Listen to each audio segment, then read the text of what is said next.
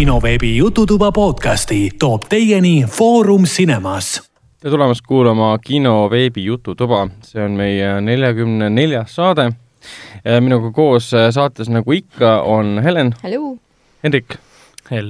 ja mina olen nagu ikka Ragnar Äh, tänases saates, äh, millest me räägime, me räägime filmidest, äh, me räägime seriaalidest, räägime uudistest ja räägime siin filmisoovitustest mm. -hmm. Ja, ja enne kui edasi liigume, mainin ära, et kindlasti kinoveebi Jututuba on leitav kõikides erinevates podcast'i rakendustes, nende hulgas on ka siis Delfi tasku, SoundCloud, Apple podcast, Spotify, Google podcast ja nii mõnedki, nii mõnedki teised aga alustamegi kohe filmidest ja seriaalidest, mis me oleme vahepeal kodus vaadanud -hmm. ehk siis on need mhm. Netflix, Telia, HBO, mis iganes, Amazoni vahendusel, lihtsalt televisioon, paned puldist teleka tööle ja vaatad. aga nagu ikka, kohustuslikul kombel alustame Helenist. uljala uh,, ma ei ole väga originaalne olnud, et uh, panin Netflixi käima ja nii oligi ja sealt tuli ja uh, sihuke asi nagu AJ and the Queen. jaa, ma nägin selle treilereid. mis asi on AJ and the Queen? see on um, Heleni teema. jah peaosas on uh, RuPaul kes on uh, maailmakuulus uh, number üks drag queen ja tema siis on saanud nüüd enda sarja Netflixi.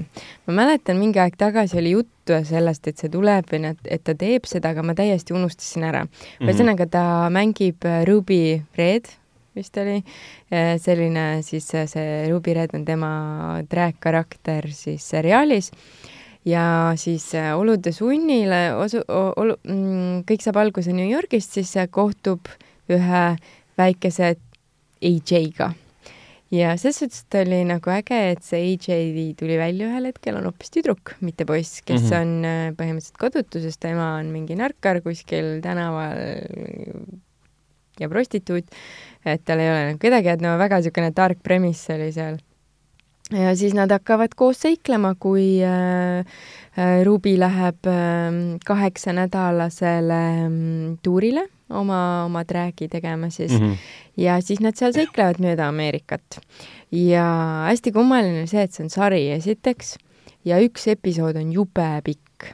aa, kui äh, palju siis? minu arust äkki täitsa isegi poolteist tundi või ja siis ähm, neid oli kokku kümme ka veel kõigele lisaks, et see oli nagu päris kummaline, et äh, nagu vaatasin, mõtlesin, et ahah, ahah, et see on film, ja siis vaatasin, oot, oot, aga siin tuli teine episood, siis mõtlesin, oota, mis toimub, siis ma olin jumala segaduses ja kuna on kümme episoodi, siis äh, vaatasin need kõik ära loomulikult, et äh, siis ta läkski mul kogu aeg läks põhimõtteliselt selle peale. aga Oota, mis intervallidega sa neid episoode siis vaatasid? mitte ilmselgelt ühe päevaga. okei, okei. mõtlesin, kui päevas pole vist piisavalt palju tunde. mitte päris jah, aga suhteliselt nagu lühiaja jooksul vaatasin selle ära ja noh, ta ei ole nagu nii mingisugune superdraama, et äh, ta on pigem ikkagi niisugune väga-väga kõrge produktsiooni hinnaga on tehtud, et mm. seda on näha kohati. aga sisulise poole pealt ja dramaatika poole pealt, et jah, et põhimõtteliselt üks niisugune äh, liin siis selle drag queen'i ja, ja, ja siis selle tüdruku vahel on äh, venitatud kümneks episoodiks nii et sa ütled venitatud, aga tegelikult seriaali vaadates ei ole niisugust tunnet, et on venitatud? jah, et ta ikka okay. väga võtab aega ja rahulikult räägib seda. aga noh, mis on muidugi äge, et äh, osad naljad olid naljakad, mõned niisugused, need lööklaused olid niisugused, et päriselt või? Mm aga mõned naljad ei toiminud väga hästi, sest äh, väga paljudes osades olid äh, ka muidu päriselus drag queen'id ja need, kes on siis tema selles äh, drag race'is osalenud. Ja selle võrra ikka näitlemine kannatas kohati. Ah. et äh, niimoodi kohe või? jaa, natukene ikka oli tunda seda, et, äh, et, et, et ei ole nagu professionaalsed näitlejad, aga noh, mõned professionaalsed olid seal ikkagi ja siis oli jälle kohe tunda, et see vahe oli nagu väga-väga mm -hmm. suur tegelikult ja niisugune väga chill vaatamine ongi see, et kui nagu taha väga midagi rasket teha ja ta on nagu, üldjoontes on ikkagi positiivne sari, et vahet pole, et ta algab äh, väga nagu süngetes toonides. no nad on seal siuksed need sassy, sassy girls nagu mm. -hmm. nii et selles suhtes see teeb asja värviliseks. ja, ja, ja selles suhtes ja, ja on ka noh, päris, päris okei okay ka. ei, teda tõesti vahepeal promoti päris, päris palju ma kahtlustan, et ta väga norm-, väga-väga populaarne on, aga, aga, aga selles suhtes eh, noh, nunnu või sihuke tore ähm,. järgmine asi siis, mis ma vaatasin küll suhteliselt ikkagi tihedalt, oli Dracula kakskümmend kakskümmend Netflixist. ja jah, jah, seal oli väga hot mm. mees mängis peaosa jälle läks meelest ära. Klaas Pangna, mis siin meelest ära saab minna? Clays, Clays, Bang. mis ta on neljakümnendast? Bang, Clays Bang. Mr Bang, jah? ta on üle viiekümne ja viiskümmend midagi ja väga äge. et alguses ma mõtlesin, et ta on mingi Ameerika näitleja. viiskümmend kaks ja siis äh,, siis ma mõtlesin, et oot-oot, et ei, et see on keegi muu. ja siis äh, mul ei tulnud ta üldse sealt äh, Cube, ei. ei, mulle ka mitte. ruut, ruut, ruut., jah, jah sellest ta ei tulnud mulle üldse meelde, ta oli seal natukene teistsugune ja mitte nii paljas ja, aga siin ta oli paljas ka, et see oli tore. sa vaatasid kõik kolm ära või? ja, ja ikka ah,, okay. ikka, ikka. kuidas sulle see kolmas osa tundus äh,? mulle kohutavalt meeldis sellepärast, et ta oli tehtud natukene teistmoodi, ta nägi välja kunstilisem ja selline natukene mm, edgy, mõnus niisugune mm. nagu hallutsinageenne või niisugune mm,, niisugune teistsugune, et ähm, aga samas äh, noh, need kõik osad olid tegelikult võrdväärselt äh, toredad ja tugevad, et loo mõttes nagu ma ei ootanud vägagi midagi, et oleks, et aa, nüüd on midagi uut välja mõeldud või et aa, nüüd on mingi revolutsiooniline või ma ei tea, suht nagu chill selles no, osas. esimesed kaks episoodi olid siuksed, et väga klassikalised yeah. Dracula lood yeah., kolmas läks nagu uues suunas, mida sa mm. mingil kujul oleme näinud filmides mm, -hmm. seriaalides, aga mitte päris nii mm. -hmm et te olete nüüd mõlemad ka näinud seda, kõik vaatasite ära, onju? Mm. et äh, ma ei tea, kuidas, kuidas teile tundus? mul oli selle, no esimene meeldis mulle väga. nagu mulle meeldis äh, uus, uus nägemus Van Helsingist. jaa, see mulle ka väga meeldis. aa jaa, see oli päris tuus. väga hea näitleja, äh, väga hea äge. tegelane välja mõeldud äh,, väga põnev äh, taust mm, -hmm. võib öelda, selles mõttes, et äh, kuidas temaga kohtutakse mm -hmm. ja kus ta nii-öelda töötab. see Van Helsingi karakter tõi selle väga niisuguse lahedalt veidrat huumori tõi sisse sisse. see oli tõsiselt ja. nauditav oli... koheselt, nagu ta ekraanile tuli mingi mm., noh, ma siin olen nunn, aga noh, tead, noh, alati ei ole kõik nii, nagu nunnad teevad. niisugune täiesti nagu mina tean kõike ja mina olen hästi tark mm -hmm, ja, ja isegi kui ma mhm. midagi ei tea, siis ma nagu äh, uurin välja ja siis naeran selle üle mm. -hmm. et noh, kõik need Dracula reeglid, kuidas ta naeruvääristas neid, et mingi oota, mis sul selle päiksega on, mis sul viga on tegelikult mis sul selle ristiga on, sa ei ole ise juustlik, sa, mis asja no, sul ta... pole mingit seost religiooniga, miks sa risti kordad mm? -hmm. ja kõik niisugused küsimused. veits jah, seriaal nagu üritab äh, nagu demüstifitseerida seda, mis seostub nagu vampiiridega, et miks mm. nad risti kardavad tegelikult ja äh, miks nad, äh, miks nad, äh, ma ei tea, küüslaug ei puutu üldse asjasse enam, sest see on ära unustatud. aga miks just päikesevalgus ja kõik mm -hmm. see, et noh, see on päris huvitav lahendus leiti, ma ikka ei spoilida, mis see on, aga see, et miks ta risti kardab, vot see oli lahe, mulle, mulle see väga meeldis tegelikult. ja see sissekutsumine ka, et yeah. kolm põhiasja oligi.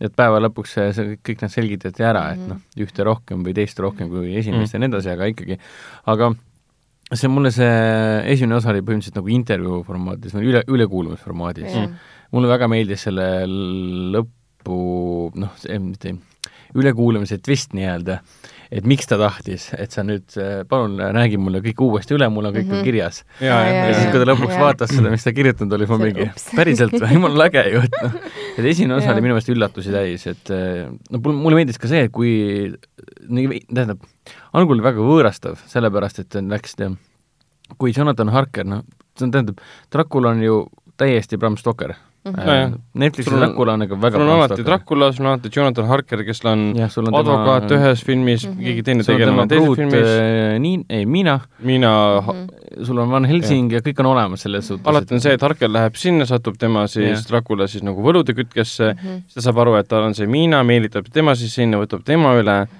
aga siis ühel hetkel hakkab see seriaal liikuma eemale sellest nagu kaugemale, kaugemale. mulle üks asi meeldis, see on võib-olla natuke spoiliv no., aga mis mulle hullult meeldis. sosista meile. et see, mulle meeldis hullult see, et äh, Dracula pruut oli tegelikult üldse mees.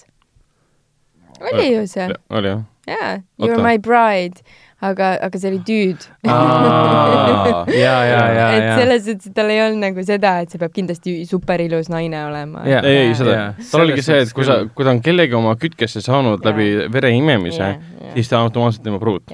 mis oli jumala äge, nagu ma isegi ei olnud mõelnud selle peale varem, et et see on, niisugune mõnus. tema puhul see pruut ei tähenda nagu midagi mm -hmm. seksuaalset. lihtsalt see, et sa oled minu omand nagu,. täpselt, ori, täpselt omand, jah.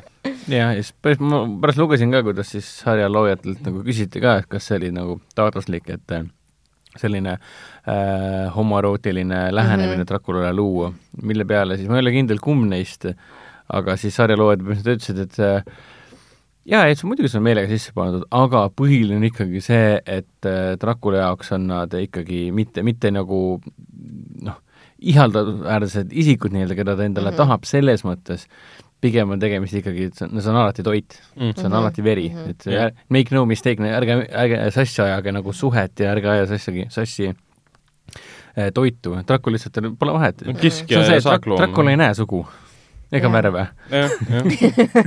kohati oli küll seda esimest episoodi vaadates tunne, et nagu inimesed on ikka nii lollid nagu. sa lähed, sa lähed. ja, ja, ja ma ise mõtlesin ka selle peale kümme korda no,. sa lähed sinna lossi mm, -hmm. sa näed, et seal on hästi palju nahkhiiri, miks sa ära ei lähe kohe? hakka jalutama, astu minema. sa näed, et sul on see Dracula on hästi vana ja kole mees kes nooreneb, miks sa ära ei lähe? ja mis sa arvad, nagu sul et, laguned ise eh? koost ära nagu, mine otsi arst, noh. tead, miks nad ära ei lähe või? Sest selle seriaali, miniseriaali nimi on Dracula nojah, see on kogu põhjendus, mis sul vaja on. automaatselt nagu Dracula sinna üle lävepaku astud tema, tema lossi, sa oled kohe tema kütkes, sa ei saagi ära minna. sul ei ole oma mõistust enam. aga kuidas teile see body horror ja niisugune groteskse, groteskne nagu kehade hävitamine väga cool, see hundi, hunditseen oli väga lahe. hunditseen, need zombid, mis tulid esimeses episoodis, olid ka. ja, et kenasti tehtud, hästi tehtud ja niimoodi jälle aeglaselt mm.. ei olnud see, et aa, teeme ruttu ära mingi hullud special efektid ja, ja värki värk, onju. ja, aga neil aega oli, tegid, näitasid, kõik mm. veenis, voolas, tekkis, hävis, kõik siuksed asjad nagu, et see oli, see oli seda väga vinge. kohati väga nagu fucked up vaadata ja, ja Dracula ise ka, kui muidu on ta ikka olnud niisugune, ma ei tea, niisugune väärikas vanamees või siis vanamees mm, -hmm. kes mhm. muutub nooreks ja ilusaks ja puha mm -hmm. ja ta ei ole eriline, noh, selles mõttes ta pole eriline jutustaja, et ta et, nagu ei mängi oma toiduga nii palju mm. -hmm. siis nagu siin Dracula küll niimoodi nagu mm, ma saan toiduga mängida mm, -hmm. manipuleerin ja piinan teda ja siis oh, näed, sa saad põgeneda, ei saa põgeneda, ma olen juba siin. eriti see suhe teises osas Van Helsingiga, vaata. jaa, ja. see oli päris hea. mis oli päris, päris cool ka. esimesed kaks osa on ikka väga sarnased selle koha pealt, et äh, ma ei hakka nagu spoilerdama, aga mis puudutab nagu ülekuulamist mm -hmm. sellisel kujul. ja, ja, ja. ja see twist teise osa lõpus oli küll niimoodi, et äh, noh, me juba teadsime tegelikult, et äh, mis värk on, aga siis, kui ta ikkagi see kaamera sõitis mm -hmm. üles ja me saime aru, et mis värk on, siis on ikka see, et mingi see on äge mm. aga kolmanda osaga oli mul väga palju äh, kana kitkuda, sest noh, okei okay,, see pole spoiler, sest see põhimõtteliselt ongi, esimesed kaks osa on Bram Stokeri Dracula põhimõtteliselt. Dracula kohtub esimeses osas Jonathan Harkeriga ja teises osas ta sõidab siis laevaga Inglismaa mm. poole mm.. see ongi niimoodi, nagu alati on olnud. see on see last äh, Cruise of the, well last voyage of the Demeter, minu meelest yeah. keegi, praegu on vist töös film nimega Demeteri viimane äh, viimane sõit, viimane laevareis. ongi niisuguse pealkirjaga lihtsalt ja räägibki põhimõtteliselt samast asjast, millest hmm. Rakula teine osa rääkis juba on ära tehtud, okei okay. aga mis mind, äh, kolmas osa tegelikult noh, pool sellest kolmandast osast pigem valmistas mulle pettumuse sest kui muidu oldi nii noh, ääri-veeri kaval ja mm -hmm. ülbe, aga noh, publik tunneb ennast nagu hästi, sellepärast et sind nagu äratatakse sellest klassikalisest loost ülesse ja mm -hmm. ülbitsetakse moodsalt ja nii edasi ja mängitakse toiduga palju nii-öelda, siis kolmas ebavajalikult kiiresti muutus ta mm, nagu selliseks äh, hästi ambitsioonikaks. aga imelikul kombel kõik need ambitsioonid nagu kohe, kohe, kohe ei pidanud mitte mingisugust vett natuke no, lohakas jah, kohati nendes äh, nagu detailides. Nad püüdsid nagu põhjendada küll seda mm -hmm. kuidagi, aga ega lihtsalt äh, noh, lihtsalt tekitas niisuguse tunde, et miks, miks te pidite selle niimoodi noh, imalalt ja rumalalt lahendama, sest noh, kuigi ta oli ootamatu, mis teise ja kolmanda vaheline mm -hmm üleminek on väga ootamatu ja väga tervitatav, aga lihtsalt kõik, mis sellele järgnes järgmise neljakümne minuti või neljakümne viie minuti jooksul, oli umbes selline, et nagu miks te kõik järsku nii lollid olete. et mul lihtsalt tekkis viha, et noh, sa oled juba hakanud mingit sarja armastama, miniseriaal nüüd antud juhul, ja siis järsku kõik tegelased, välja arvatud Dracula äh,, on debilikud sa ei pannud tähele siis neid kunstilisi kaadreid või? see pidi nagu, nagu hajutama ja, ja yeah. nagu see, see pidi hajutama sinu mõtlemisvõime korras, et oh, kui äge. ma tund-, ma tundsin küll, kuidas me püüdi, püüdi mind manipuleerida, nagu Dracula manipuleerib oma toitu. sa ei, sa ei läinud õnge, jah? Ukiduki, nii, vaatame, kas mul oli veel siin mingi asi, oh issand jumal ah,. üks kohutav asi, kas ma ei mäleta, ma vist ei ole maininud seda, siuke asi nagu Tammy Melissa McCartney'ga film? jaa, kaks tuhat üheksa äkki või? aa, ma mäletan seda filmi. see oli nii loll film ma ei tea, miks ma selle üldse lõpuni vaatasin, aga ma ei tea, minu, ma ei oska isegi kust otsast alustada, minu arust need peategelased kõik näevad ühevanused välja, ühesugused, ainult et üks, üks on ema, üks on tütar ja üks on vanaema nagu. ja siis Susan Sarandon on üritatud tehta, teha mingisugune, ma ei tea, üheksakümne aastaseks või väga weird. vana, vanaemaks või? ja, ja, ja vanaemaks, alkoholiprobleemidega vanaemaks ja mis iganes. Aga ma ei tea, las ma mõtlen, kas, ma isegi ei mäleta, mis lõpus toimus, nii et äh, veits, veits fail. vaat, aga ma vaatasin äh, ka oota, kaks tuhat neliteist aasta film Tammi. aa, okei okay,, võib-olla oli neliteist hoopis um,. see oli kirjutatud ja produtseeritud McCarthy enda poolt. ja, ja, ja. no palju õnne talle, et ta tahab niisugust crap'i teha no.. Susan Sarandon Martu Bass. Adam McKay produtsent oh.. Dan Aykroyd, Katie Bates no huvitav. aa jah, Bates oli ka, ja, ja, no ühesõnaga hunnik sta-, staare, tüüpiline Hollywoodi niisugune loll jalaga perse komöödia mingi uh, ma ei tea, mul on halb elu uh,. Anyways. lõpus, lõpus kõik hästi meelde on. ma ei mäleta aga mulle pakkus äh, Netflix niisugust või noh, treiler tuli, et Medical Police ah, ja ma vaatasin, et oi, kui halb Hollywoodi saast, miks keegi peaks seda tegema, siis ma vaatasin, aa, Ragnar vaatas seda, palju õnne ei, ma vaatasin esi, esimese episoodi ja ma, kuidagi raske jäi lõpuni vaadata. oli saast, jah äh,? võib-olla see huumor ei lähe mulle peale, mis seal on. ta näeb välja jälle niisugune, et oleme niisugune witty American äh, Hollywood yeah, aga funny guys. ta ei ole nagu Brooklyn Nine-Nine stiilis, ta on kas ta on nagu komöödiaseriaal meditsiinipolitseist? asja? ta on komöödiaseriaal arstidest, kes töötavad haiglas, kes samal ajal saavad äh, ülisalajase ülesande peatada mingi viirus oh,. ehk okay. siis see on nagu politseinikud. They are doctors and police. see ei käi niimoodi, kallis Ameerika, nagu võta kokku ennast. selle, ta ei ole nagu Brooklyn Nine-Nine eh, ja ta ei ole nagu selline sitcom, et kuigi ta on lühikesed episoodid, kus taustal kõlab naermine või midagi laadset mm seal on hästi niisugune imelik nagu niisugune, ma ei tea, kas see on, see ei ole puine huumor, see on selline ma tean, niisugune kunstlik, et nad ei suuda deliver ida seda nalja. seal kohe alguses mingi, äh, tuuakse patsiendid haiglasse ja siis nad ravivad teda ja nad jõuavad sinna ICU-sse nagu, lihtsalt viskavad selle äh, haige lihtsalt selle kanderaamiga sinna tuppa, lähed ise minema, et ah, me päästsime ta ära, tuba on tühi nagu ja siis on see mingi okei okay,, see on naljakas siis. kaua sa seda siis vaadata jaksasid äh,? umbes poole peale, siis ma panin kinni uh,. aga ma annan, annan uue võimaluse, sest tundub, need näitlejad on päris ägedad tegelikult. et, et ma pigem võib-olla sellele ei peatukski, et ma üritaks, üritaks ikkagi edasi vaadata ja näha, äkki hakkab meeldima, äkki oli vale hetk elus, kus ma seda ja, vaatasin kindlasti. või kuidagi teised emotsioonid või ootasin midagi muud täiesti või ma ei tea aga mõte on tore ja Netflix seda kõvasti praegu reklaamib ka mm. -hmm. vaata nüüd üks loojatest on see Rob Corddry, äh, kes on nüüd päris, päris tuntud ähm, koomik nii-öelda. see on see nägu, keda kõik ära tunnevad, aga nad ei pruugi äh, nime teada, nime teada. Hot Top Time Machine'is mängis näiteks ja, ja tal oli üks action-film ka, mis oli ka hästi seinast seina ja hästi imelik, aga püüdis olla hästi lahe, Operation Endgame aastast kaks tuhat kümme. seal oli, seal oli veel peaosas niisugune naine nagu Odette Justman. aa, see oli see mingi kortermajas midagi või? ei, firmas? ei, see oli firmas jah yeah.. tal on mingi teema sellega, et teeme nagu rahvusvahelist spioonikat ja siis teeme selle mustaks huumoriks mm. -hmm. okei okay,, selge, nii mm. -hmm. mul ei ole rohkem midagi okei okay., aga Hendrik, mis sina oled vaadanud lisaks? mina olen nüüd siis hommikust äh, saadik äh, korrutanud mõttes äh, ja ka valjult välja öeldes sellist lauset nagu Jam-Jan Hammerpoo mm, mis asi? Jam-Jan Hammerpoo. Jam-Jan Hammerpoo. His name is Jam-Jam Hammerpoo et kõigile neile, kes kahtlustavad, kas mul ja vennal tekkis insult, siis äh, ei, me oleme täitsa terved. asi on selles, et Netflixis, kui nüüd ei eksi, siis ta tuli vist äkki paar päeva tagasi või? jah, nüüd täiesti... podcast'i salvestamise päevast paar päeva tagasi. täiesti värske animaseriaal äh, Kipo and the Age of Wonder Beasts mm. -hmm tegemist on siis Netflixi jaoks loodud seriaaliga, mille tootjaks on ei keegi muu kui DreamWorks Animation mis juba siis, kui ma märkasin, et see on tulekul puhtalt DreamWorksi pärast, ma mõtlesin, et okei okay,, peaks vaatama, sest noh, DreamWorks on meile palju kulda toonud äh,. aga huvitav on ka see, et selle mm, animatsiooni on loonud Lõuna-Korea stuudio hmm.. oli nii?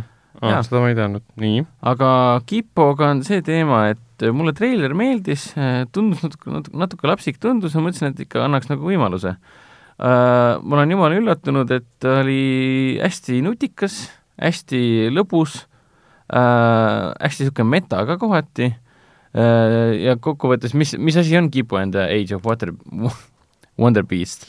ta on üldiselt äh, postapokalüptiline seiklus seiklusseriaal. kaugest äh,, kakssada aastat tulevikus jah, ehk siis, ehk siis lugu leiab aset kakssada aastat pärast seda, kui äh, maailma tabas, maailma loomastikku tabas mutatsioonilaine. jah, ja nimetatakse mingi sup-, see supermutos või midagi mute, supermutes. jah, midagi, midagi kõik taolist, loomad jah. muutusid suurteks. ehk siis, kui lind oli enne pisike, siis nüüd on ta hiigelsuur ja samamoodi jänkudega ja, ja. putukatega ja mis iganes. jänk on nüüd hiiglastik, tal on äh, kaheksa jalga ja neli kõrva ja, ja ja, ja tema beebikesed umbes sama suured kui elevant. ja see tähendab, et maa peal on nagu väga keeruline elada, kuna kõik asjad on sul, sinul ohtlikud, et mingi ja suur inimesed osa... on haruldused, sest kõik ja. elavad ikkagi maa all. ja kõik on maal peidus, et seal on turvaline. ja, ja sest maa peal on... elavad humanoidsed loomad. aga on ka need inimesed, kes elavad maa peal. meie peategelane Kipo satub siis maa alt kogemata maa peale, kuna üks super mute satub siis nende linna peale. ja seal ta siis supermutant, jah ja üritab siis sealt tagasi koju saada. ja teekonnal ta kohtub seal ühe neiuga, kes on siis karastunud võitleja selles maailmas, ja siis ta kohtub seal ühe, ühe vastsega, kes on siis putukas, kes konstantselt muutub, vaata, kuna tema elutsükkel on niivõrd kiire mm -hmm. ja kuna ta on nii suur, siis on Aa, see, et ta okay, okay, okay, okay, üks sekund on ta teismeline, teine -hmm. sekund on juba suurem ja kolmas sekund on veel vanem. ja siis sureb ära? ja siis ta vahepeal vahetub. muutub beebiks jälle. kui tal tekib, kui tal tekib, jaa, kui tal tekib anxiety issues, et ta ühel hetkel muutub hästi suureks ja mustlaseks putukaks, et ma saan lennata, üritab sõpru ära päästa. ma saan olukorra päästa siis mingi ei, muutub tagasi beebiks. jah, jah, see on, see on päris tuus. kas see kest tuleb ära siis nagu? jah, kest tuleb ära ja siis ta jääb seisma mingi, hakkab muutuma ja siis tuleb, kest tuleb maha ja muutub, on beebi tagasi.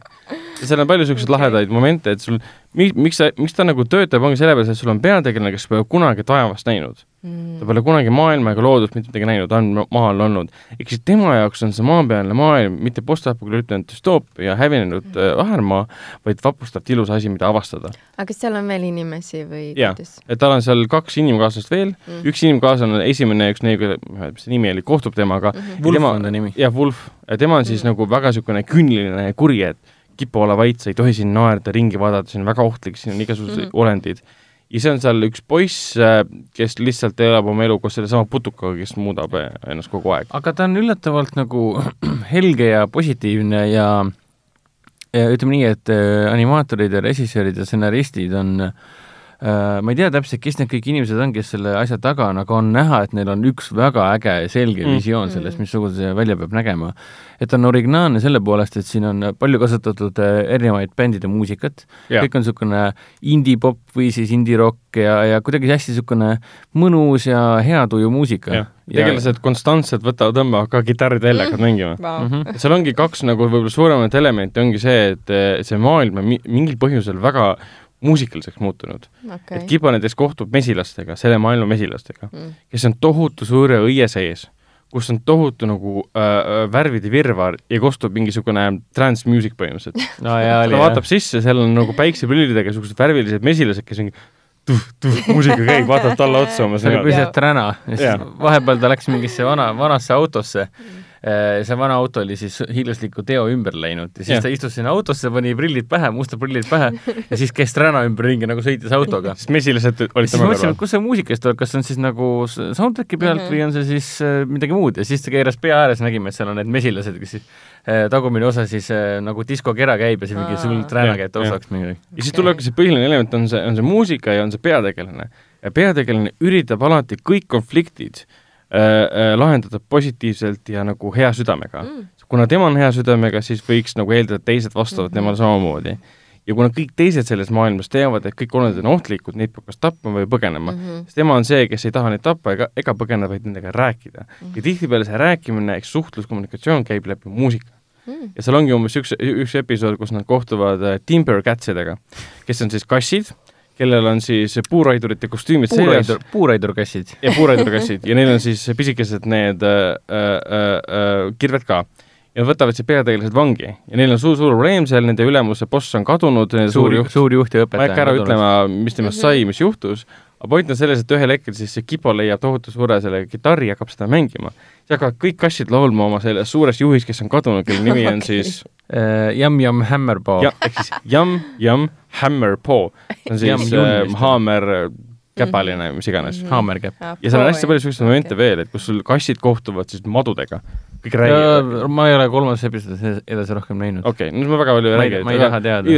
kõik loomad, kes seal on, enam-vähem räägivad mm,. aa, üks kuue silmaga põrsas on ka väga tähtsal kohal seal. jah. tal on kõiki kuue, mitu tükki, tal on neli, eh, nelja jala asemel on tal siis eh, kaheksa mm, -hmm. sain aru vist, jah. ja, ja siis kahe silma asemel on neli silma mm et seal on palju niisuguseid elemente ja hästi tore ja lõbus on. ja tooni poolest on ta hästi kiirelt areneb, hästi seikluslik ja hästi nagu minu meelest igale vanusele väga hästi sobilik mm. -hmm. nii, nii viiele kui kolmele kui ka ka kahekümne viiele kui ka neljakümne viiele, et mm -hmm. selles mõttes soovitan igal juhul vaadata, et see on totaalne hea tuju asi, et kakskümmend neli minutit möödub, eile, eile öösel, eile noh, ilmselt öösel jah, vaatasin mm -hmm. voodis, vaatasin telefonis Netflixi ja siis teine osa sai läbi mingi pane ühe osa veel selgelt, noh. see on nii hästi kirjutatud ja nii lõbus ja nii tore, et ma ei taha, et ta läbi saab mm.. see on nagu probleem, et kui, kui läbi, lõpuks esimene hooaeg läbi on, siis on see, et nagu tühjus ja, ja üksindus elus. see on hirmus, jaa mm. aga õnneks on kümme episoodi nagu mm.. Yes. no mul on mingi neli vaadatud, et ma olin mm. väga rahul, vaatasin, oo, veel on episoode Jam, jam, hämmer. nii, aga peale Kipo, mis sa oled veel vaadanud? Nädalavahetusel vaatasin lõppude lõpuks Netflixis lõpuni Brooklyn Nine-Nine'i viienda hooaja. alles nüüd? jah, ma ei tea, palju ma lõpuks vaatasin, minu meelest vist vaatasin järjest mingi kümme episoodi või ikkagi päris palju vaatasin, täitsa nagu sõltlane vaatasin ka muidugi mm -hmm.. aga vaatasin ka, et see kuues hooaeg pole ikka veel Netflixi tulnud Äh, tõenäoliselt läheb sellega aega, kas ta jõuab äkki siis sellel aastal, ma ei tea, millal ta peaks jõudma, et ta no mais tuli kuues välja. jaa, et ta on juba nüüd äh,, ei, kuues, mis asi, kuues hooaeg algas kaks tuhat üheksateist jaanuaris. jaa ja siis veebruaris nüüd hakkab peale siis seitsmes hooaeg juba. et ma arvan, et äkki on loogiline, et nüüd siis uue hooaja tulekuga tuleb ta siis ka Netflixi mm. -hmm. ma vaatan, et ma vist alustasingi kas ta oli näitagi hooaja numbrit või um,?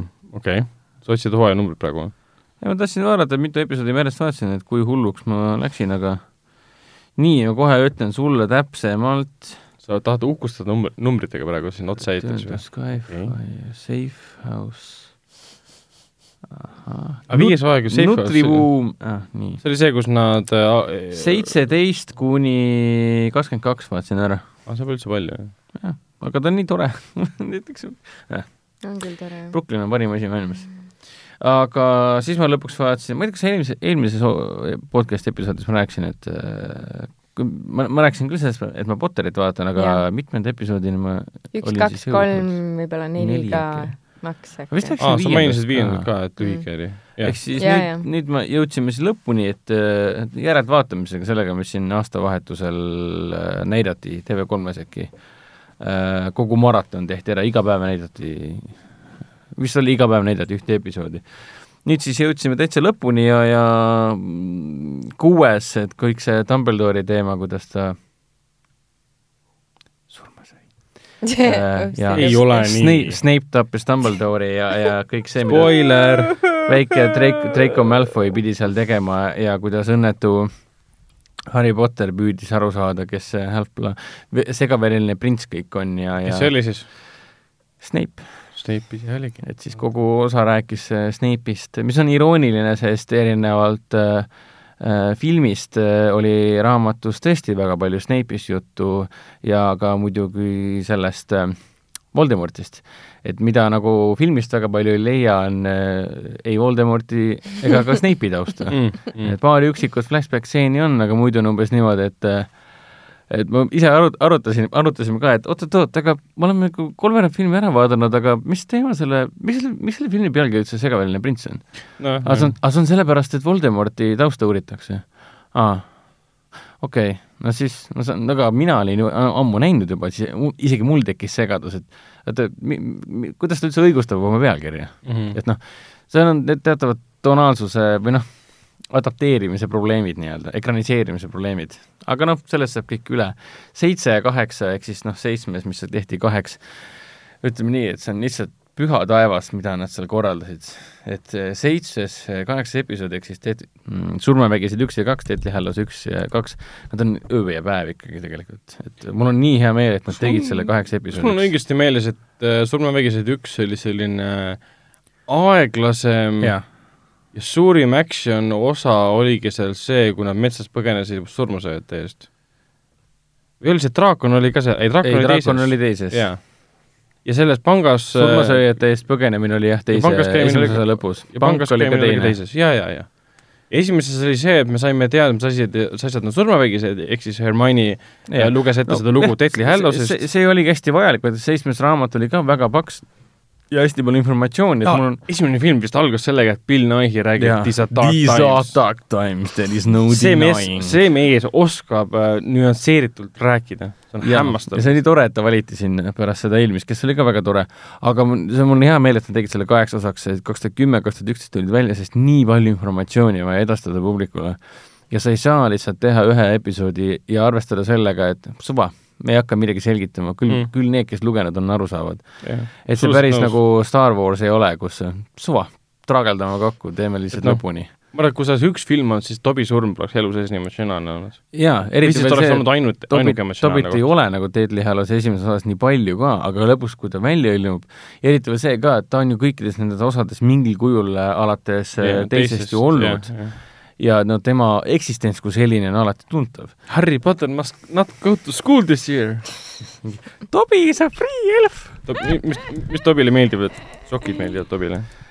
Ta on jah sokahoolik Ähm, aga jaa, seitsmes äh, ta paistab silma just selle poolest, et kui palju me näeme äh, Voldemorti tegutsemas oma käsilastega, oma surmasööjatega, kui creepy ja kui kõhe ja kui värdilik ta on ja kui, kui tume ta on ja nii edasi. aa, ja siis seitsmendas me nägime seda, kuidas ta leidis üles, seitsmenda lõpus ta leidis üles Grindelwaldi võlukepi Leed, eks. leedripuust võlukepi, legendaarse surmavägise Ja-, surmavägise. Grindelwald on seesama kunagine võlur, kes võitles Dumbledore'iga, keda me praegu näeme nendes Fantastic Beast ehk siis fantastiliste elukad Jah. filmides. see oli Grindelwaldi oma äh,, toimus ju legendaarne duell Grindelwaldi ja Dumbledore'i vahel mida me tõenäoliselt seda duelli näeme ka tulevikus Fantastiliste elukate filmiseerias tulemas on veel kaks filmi. äh,, kolm, viis pidi olema kokku, aga Aa. äh, selle juurde jõuame kunagi hiljem, kuni järgmine film peaks välja tulema, kaks tuhat kakskümmend üks vist tuleb järgmine sest mingil põhjusel no ma ei mäleta enam, mis edasi lükati, aga no selle võlukepiga oli see teema, et kui sa, kui sa võitled kellegagi ja lööd, saad selle nagu põhimõtteliselt võlukepp vahetab omanikku vastavalt sellele, kes selle endale võidab nii-öelda. jah, ja, ja siis tuli ka välja, et see on, isegi mul läks meelest ära, et see oli et see surmavägine võlukepp oli kogu aeg äh, see Voldemorti poolt ihaldatud äh, võlukepp, et mida tal oli vaja nagu massihävitusrelvana, et siis võita sõda nii-öelda äh,, oli kogu aeg Dumbledore'i käes. mm. -hmm. et see oli, isegi mina mingi, ah õigus aga ma ei mäleta, vaat, ma ei mäleta nagu lõpus, et äh, milles see point seal seisnes, et miks see võlukepp reetis seda Vo- Voldemorti? ah,. Äh, jah, vot see ei kuulunud ju Harry. Potterile. Tegelikult kuulus. tegelikult peale. see oligi lõplik see oligi lõplik twist, et tegelikult kuulus. aga mismoodi, mis see loogika seal oli? sellepärast, et Voldemort arvas, et äh, kuna seesamune Snape tappis ju äh, Dumbledore'i ära ja Dumbledore oli sel hetkel see võlukäpi omanik käes, leedibus võlukäpp surmavägine yeah., siis äh, Voldemort oli täiesti veendunud, okei okay, äh,, mi-, minu käes see võlukäpp praegu sellepärast äh, täisvõimsusel ei tööta, kuna see on äh,, sina oled elus, järelikult ma pean su ära tapma. nagu sa tapad Snape'i ära. eks ta tappis oma parima sõbra, sõbra ära nii-öelda yeah.. aga sellest sõltumata see ei töötanud, see oli tegelikult Harry Potteri oma. miks? sellepärast, et see nii. oota, ta lõpus selle selgitas et kes tegelikult võlukepi Dumbledore'i käest maha lõi, oli Draco Malfoy seal kuuenda osa lõpus. jaa, okei okay,, mitte yeah. Snape. ehk siis tegelikult kuulub võlukepp hoopis äh, Draco Malfoyle. Malfoy lõi võlukepi ära ja siis tapab. tuli, siis ja. tuli Snape sisse ja tappis Dumbledore'i. tähtis pole see, kes kedagi tapab, tähtis on see, kes võlukepi endale saab. see on nagu ehk siis, kui sa selle teed relvituks. teed relvituks ja põhimõtteliselt sa oled juba endale saanud, sa olid Draco Malfoy oma. kui Draco Malfoy oma, siis kuidas see edasi läheb? Hiljem siis äh, Potter ise võitles temaga? jah mm.. oota, kas siis Draco ei pea kasutama selleks Elder Wondi, et omandus üle läheks või? sest Draco hiljem, kui ta võitleb Harry Potteriga, ei kasutanud Elder Wondi ju. Elder Wand oli ikkagi Harry, selle Voldemorti käes. aga omandus ilmselt kehtib umbes see, et, et kui Harry Potter võidab Malfoy'd, siis läheb Elder Wandi omandus üle Harry Potterile sest see on tegelikult väga oma, see läheb väga keeruliseks praegu ma ei ole vist neid osasid näinud, et ma ei oska kahjuks äh, siin osas seal... isegi spekuleerida nagu. no, no, nojah, aga see, seal oligi see, see point, mis ma tahan nagu välja tuua, oli see, et ma ei mäleta täpselt, et kaheksanda osa lõpus oli suur-suur lahing neil, Voldemort tahtis Harry Potteri ära tappa mm, -hmm. aga siis võlukepp reetis ta ja siis meile öeldi äh, Voldemorti ja. ja me saime aru, et aa, tegelikult võlukepp reetis ta sellepärast, et see kuulus tegelikult siis äh, Harry Potterile mm. -hmm. kõik oli toona loogiline, arusaadav, praegu ma lihtsalt ei mäleta. praegu ei toimi, jah. et mis okay., mis seal lahti oli ja mis ei olnud et niikaua, kui Hendrik otsib, äh, otsib Vikipeediast äh, õigeid vastuseid läbi lugedes pane kindlasti, et Elder One Reddit, et äh, ownership changes või midagi laadset, siis sa leiad kiiresti mingisuguse graafiku ka äh,. vot, räägime veel Potterist äh,, Potter, Potter, Potter, Potter äh,, Fantastic Beast tuleb jah varsti ja rohkem Potterist pole midagi räägitud, et sellest, äh, sellest Broadway etendusest, või mitte Broadway etendus, UK-s oli mingi etendus, sellest räägitakse ka, et tehakse filmi. aa, point seistiski selles, et kui Draco, see, kui Potter tegi selle Draco relvituks seal mm -hmm. Malfoy'de enda mõisas, sel hetkel siis vahetas ta omanikku ja sai siis äh, Harryle, Harry omanikuks nii-öelda mm. -hmm. kuigi äh, Voldemort kasutas seda võlukäppi edasi? jah. aga ta saab seda edasi kasutada, aga mitte täisvõimsusel? jah, selline vangerdus oli sisse tehtud nii-öelda. ja ta ei saa kasutada seda võlukäppi, et tappa omanikku, sest ta on omaniku poolt. jaa, seda ka muidugi, jah. kuigi sest omanikku ei saa ju tappa omaenda võlukäppi. aga Voldemort tappis ju Harry Potteri, kui ta läks teispoolsusesse. ei, ta tappis oma orjaketki, mitte aa, jaa sest see oli ka teine suur twist ja mida päris paljud filmi, noh, raam-, raamatut mitte lugenud inimesed ei teadnud, et kui Potter läks sinna, et noh, the boy who lived, come to die ja siis avada, Avada Kedavra ja siis mingi kõik mingi, oota, Potter suri ära, nüüd on film läbi või? siis ta läks sinna vahejaama nii-öelda Dumbledore'iga suhtlema seal üle, üleni valges ruumis nii-öelda. see oligi see point, et äh, ta ei tapnud mitte Harryt, vaid ta tappis omaenda hinge ära ta lihtsalt Voldemort teise, teise tappis omaenda hingetüki, mis Harry Potteri sees. tal oli seitse varikätki, aga tegelikult tema teadis kuuest. et kui Voldemort sai ta ei teadnud kunagi, et Harry Potter oli äh, tema enda varikätk. jah, et kui Voldemort sai ettekuulutuse, et on ja, see, ja, seda ma siis ta läks teda killima, ta suri ise seda tehes ära viies ettekuulutuse täide, aga tükk temast läks talle sisse. enne kui me liiga, liiga, liiga nohiklikuks ära lähme, siis ma tahan lihtsalt kiita seda, et see töö, mida David Yates ja produtsent, legendaarne produtsent David Heyman äh, selle alla panid, kuidas luua ähm, võlukepi lahinguid. Äh, või siis maag-, maagilisi lahinguid, äh, mis kõik toimusid peamiselt seal, no see suur sõda nii-öelda seal sigatüükas, see oli ikka metsik vaatemäng, kuidas nagu suured-suured võtteplatsid olid siis äh, roheliste taustade abil äh, loodud äh, põhimõtteliselt niivõrd vaatemänguline mm, mäng, et kuidas kaamera liikus digitaalsete seinte ja päris seinte vahel, kuidas kõik muudeti võimalikult lennukaks, kuidas ühest set-, ühest võttepaigast teise hüpati, noh, digitaalselt loodi nii-öelda sillad selleks, nagu ikka tehakse, et noh, kaamera mm. liigub läbi seina või mil-, millega iganes. aga lihtsalt metsikult huvitav oli vaadata, et see aasta oli kaks tuhat üksteist, kaks tuhat kümme, kaks tuhat üksteist oli need kaks viimast osa, et praeguse seisuga ma ei saaks küll öelda, et midagi nii vahvat ja originaalset oleks enam tehtud. mis, mis puudutab ei, nagu Warfare'i selle koha pealt. Meil on siin John Wick ja lightsaberid ja rohkem ei ole midagi. aga John Wick on ikkagi nagu väga tark ja jaa, tõsi, aga rohkem, rohkem nagu niisugust me... fantaasiamaailma, no see Fantastic Beast ja. ei olnud nagu nii eriline, et seal oli ikkagi no, vähem tegelasi. see teeb rohkem niisugust hästi tõsist draamat, aga, aga just rohkem ei olegi midagi sellist ei juurde tulnud, et meil ei siin kaks tuhat üksteist justkui lõppes või noh, Fantastic Beast küll, aga ja see ei ole sama, ta oli ikkagi täiskasvanutele, ma mäletan, ma vaatasin ja, ka seda küll. ja see oli see, et lastel ei ole küll siin midagi teha, et kuigi võib-olla need toredad kollid ja umbes sellised asjad. see ta oli, ta, ta oli nii ta oli sünge, ta oli masendav. ta oli poliitiline ja ta oli machinatsioonidest rohkem rääkis. tagantjärgi mul on see Grindelwaldi kuritööd äh, suht meeldima hakanud ikkagi. peaks uuesti vaatama see oli teine asi, mis mul meelde tuli, mis, mis siis mõtlesin selle peale, oli see, et kõik näitlejad olid jube vanad, vaata mm. -hmm. et tegelikult jah, see loosja ja see noh, ei olnudki üldse nii halb, aga see, et see ei ole lastele, sest sa ei viitsi mingit viiekümne aastast Johnny Deppi ja kõik seal on mingi nelikümmend, viiskümmend, kuuskümmend ja mis need Jude on. Nagu, ja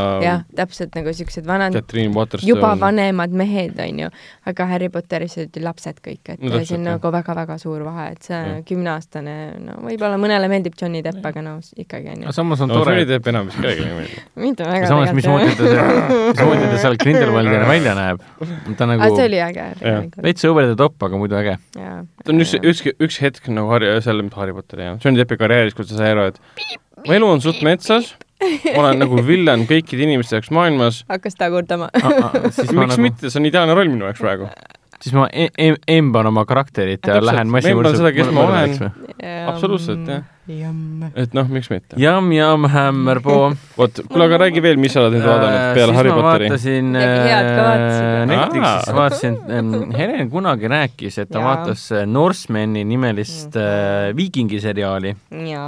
ja ta mainis seda, et see ei ole nüüd päris äh, nagu viikingid, nagu History Channeli viikingid, mis on ka Netflixis olemas mm et see on pigem nagu norrakate loodud komöödia ja see on põhiliselt minu, minu silmis ta mõjus umbes niimoodi, et kui sa paned eh, pigem ameeriklaste Office'i kokku viikingitega mm -hmm. ja siis sünnib nagu Norseman. no ta oli hästi niisugune ajuvaba või niisugune ta on, ta on situatsiooni komöödia mm -hmm viikingitega. kui sa võtad History Channeli see Vikingsi, mis on siiamaani hästi populaarne, ja teed ta niisuguseks ontlikuks situatsioonikomöödiaks, siis sul on Norseman. kas seal on nagu lühikesed episoodid või niisugused äh, neljakümne viie minuti need olid äh, kolmekümnesed äkki ah,, kui ma nüüd ei eksi. väga lühike nagu ei olnud, aga pikk ka ei olnud. et noh, et jah, see keskkond juba, see kõik ongi kuskil a la keskajal seal, nad on mingi metsas igal pool, neil on mingid äh, kahtlased hõlstid seljas ja ega neil midagi seal ei ole kõik, eriti. kõik näeb väga hea välja. ja väga hea nagu... näeb välja ja, ja, ja. aga milles see huumor seal seisneb siis? situatsioon. situatsioonikomöödia. tooge näide mõnest situatsioonist. mina ei mäleta. no üks, üks, üks näide oli siis esimeses osas, ma olen esimest osa näinud mm, -hmm. ehk siis äh, seal oli see teema, et äh, suur juht ja liider oli just äh, naasemas koju, aga neil oli siis nii-öelda asevalitseja. aga probleem oli selles, et toit hakkas otsa saama ja siis äh, saadeti siis äh, nii-öelda viikingite seas väga kuulsusrikkale ja austusväärsele äh, rituaalile saadeti siis kamp vanu mehi. ja siis see on, kuna see on nende seas, on see umbes selline asi, et sa pead seda tegema, see on auvärk ja nii edasi. Valhallasse saab minna, kõik on änksi täis, mingi ja siis äh, sa, mida sa pead tegema, on see, et siis äh, sa oled kuskil kalju, kalju künka peal ja all on siis pisikene oja põhimõtteliselt ja siis hüppa sinna vette. no tähendab, esialgu sa saad aru, et peab vette hüppama mm. -hmm. oota, kalju no hüppad alla, noh. jah, nagu, nagu Holli-, ei mitte oja, vaid nagu kosk on seal midagi taolist. sa ütlesid oja, ma mõtlesin, et see on madal vesi, sa surma kohe. kosk pigem okay.. nagu Ameerika, no Hollywoodi okay. filmides ikka, keegi okay. kukub kuskilt äh, kümne, kümne tuhande kilomeetri kõrguselt vette ja kõik on hästi. nagu komandos põhimõtteliselt. nagu tuhat üheksasada seitseteist. jah. okei, aga kui ta, kui ta siis esimene nagu, okei okay,, ma siis hüppan ära ja hüppabki ja kukub plärtsiti vastu kive sodiks. ja siis, ja siis ülejäänud mingi hakkavad hästi artikuleeritud, siukseid rahulikus inglise keeles rääkima, et kuule, mulle tundub, et ma jätan täna ikka vahele. see, see, tähendus on see, et jaa, ei, see traditsioon muidugi äh, au Odinile ja Torile kõik, et see on väga äge traditsioon, me peame seda elus hoidma, aga mulle tundub, et täna ei ole nagu see päev, et mis te poisid arvate, kõik vanamehed mingi, kõik on aluspükste väe niimoodi jah, ma olen täitsa nõus, et äh, ma arvan, et äh, kuule, korralda, jätame vahele, siis mingi, ei, see on teie otsus, ega mina kedagi ei sunni. okei okay,, jätame vahele, et me lähme, lähme oma külla tagasi. aga kuulge, aga ärge siis äh,, minge siis nagu oma külla, ärge siis enam minu, meie juurde tulge, et siis nagu muidu inimesed saavad teada, et me ei teinud rituaali läbi. see on okei okay,, ära, ära üldse muretse, me läheme koju tagasi, et mingi okei okay,, teeme nii. et see oli, see oli, see oli tore okay.. ja, jah, et nii ta ja jätkab, jah. aa, teine lamp oli see, kui ta, see, see peategelane minu meelest on peategelane see, see õnnetu tüüp, kes on üksildane esimeses võime. osas, eh, kes kurtis oma, oma ülemusele et hästi suur tüüp või? jah, see hästi suur mm, tüüp mm,. hästi äge tüüp, jah mm.. et ta kurtis, et tal pole naist ja pole lapsi ega kodu ega midagi, ta elab telgis, et tulevad siis ühel hetkel tagasi, et kuule, aga mis ma siis teen, et mul on nagu probleem siis tšillivad rahulikult koos seal, tähistavad oma võitlejate tagasiside tulemist ja siis läheb lihtsalt suvaliselt äh, nende, nende, nende küla kõige ma ei tea, andekama ja rikkama mehe mm -hmm. juurde, kellel on ilus naine ka. kuule, ma kutsun su sellele, ma ei mäleta, mis selle asja nimi enam oli, ma kutsun su sellele no see duell, jah? duellile nii-öelda mingi. see on see, kus sa, see oli viikingite, History Channeli viikingite esimeses, esimeses hooajas ka, kus sa tapad juhi ära, siis sa saad tema rolli endale ja, ja. Siin, oli, siin oli see põhjendatud umbes niimoodi, et äh, kui sa kutsud selle tollile, sa võidad, siis sa saad tema naise ja tema kodu endale mm. -hmm. ehk siis kõik endale mm. -hmm. põhimõtteliselt kõik absoluutselt mm. -hmm. ja siis mingi, oota, mis mõttes, päriselt tollile või? jah, noh, mul on, ma tahan kodu endale mingi ja siis ühelt poolt on täiesti moodne suhtumine selles, et mis mõttes sa võtad mu kodu ära, nalja teed või? ja teine mingi, jaa, aga, aga nad käituvad nagu suhteasjad nagu viikingid, aga ma tahan ka endale naist ja siis vaatad tema naise poole, samal ajal naine mingi juhuu. kõik on nagu täiesti loogiline, ära artikuleeritud ja siis see tüüp siis valmistab ette, paneb, noh, spoiler, paneb mürki ka see väike häbarik tüüp, kes pole elu sees võidelnudki mm. -hmm. aga ta on ometigi oma kätega ehitanud ja ta on äh, rikas mees ja puha ostab siis mürki salaja ja paneb siis mõõgale peale ja on valmis teda surmama ja siis tuleb see, ta on tohutu suur mägilane, see teine, kes ta tulile kutsus mm. -hmm. alustavad ja see esimene asi, mis ta teeb, et ta lööb mõõgaga tüübi lihtsalt pooleks mingi, kõik mingi juhuu, okei okay,, lähme sööma, kõik tehtud, päevatöö tehtud.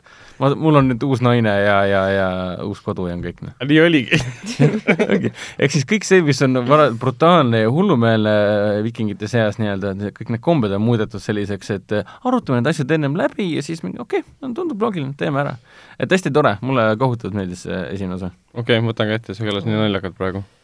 nii, aga siis lõpuks äh, vaatasin äh, ära niisuguse toreda filmi nagu A Cure for Wellness sa vaatasid seda juba teist korda? A cure for wellness. ma mäletan ka, et sa jah. vaatasid seda. mis see eesti keeles oli? ma, Vastumürk tervisele vist äkki või? aa, ja, ja, ja ma olen tahtnud ise seda ka vaadata, aga mul on kogu aeg meelest ära läinud. see oli meil kinos. see oli meil ja, kinos. mulle meeldis see tüüp, kes mängis seda Dane DeHaan. jaa, DeHaan, jaa, muidugi. kus ta, Dane DeHaan on see popiks? kaks tuhat seitseteist äh, veebruaris. kus see Dane DeHaan popiks sai? ta oli selles Chronicle mis oli see mm. film superkangelaste Josh Tranki Chroniclesis oli ta hästi populaarne. siis ta oli selles teises Amazing Spider-manis, kus ta yeah. mängis seal seda Osborne'i ja rohkem ma teda ei teagi kuskilt tegelikult. oota, ma vaatan igaks juhuks. aga ka. Cure for Wellness on siis äh, selline, aa, ta on Korv Verbinski lavastatud, ehk sama tüüp, kes tegi meile esimese ringi ja muidugi kolm, kolm, ta tegi Mexicani ka, kus mängis Brad Pitt. ta vist tegi teise ringi ka Äh, ei, see oli Hideo Nakata oma. teise ringi ah, filmid okay.. ja ta arvestas kõik kolm siis, ainsad head filmid siis äh, Kariibi mere piraatide seerias. jaa. Äh, tegemist on siis äh,, kuidas seda nüüd öelda siis, psüh-, psühholoogilise õudusfilmiga, aga, aga tema ainus miinus on see, et ta kestab liiga kaua mm. -hmm. ta kestis minu meelest ligi kaks ja pool tundi. et pidi olema, et lugu kõik on suurepärane, aga lihtsalt ta venib liiga pikale ja sul kohe hajub ära see tähelepanu fookuspunkt. et aga... aga ma olen seda varem näinud, äh, kaks tuhat kuus, seitseteist seda nägin ja ma hea meelega vaatasin uuesti, sest mulle on see film nagu alati, alati meeldinud, kaks tundi kakskümmend kuus minutit. Valerianis mängis ka seda. jah, Valerianis ka. muidugi. Kara Deleviiniga. Delvin. et see on üks väga-väga kummaline film, et ta on nagu, võib öelda niisugune kooti horror-film isegi, ta on nagu, et mi-, mida ta igaüks, kes sooviks vaadata mingit väga, väga vägeva nõidusliku äh, äh, sellise, sellise hämara ja kõheda visuaaliga äh, puhas sellist visuaalset naudingut pakkuvat õudusfilmi mm, -hmm. äh, väga tugeva, särava atmosfääriga õudusfilmi, siis äh, Vastumõõk tervisele ehk siis A Cure for Wellness, Netflixis praegu olemas, on täpselt sulle.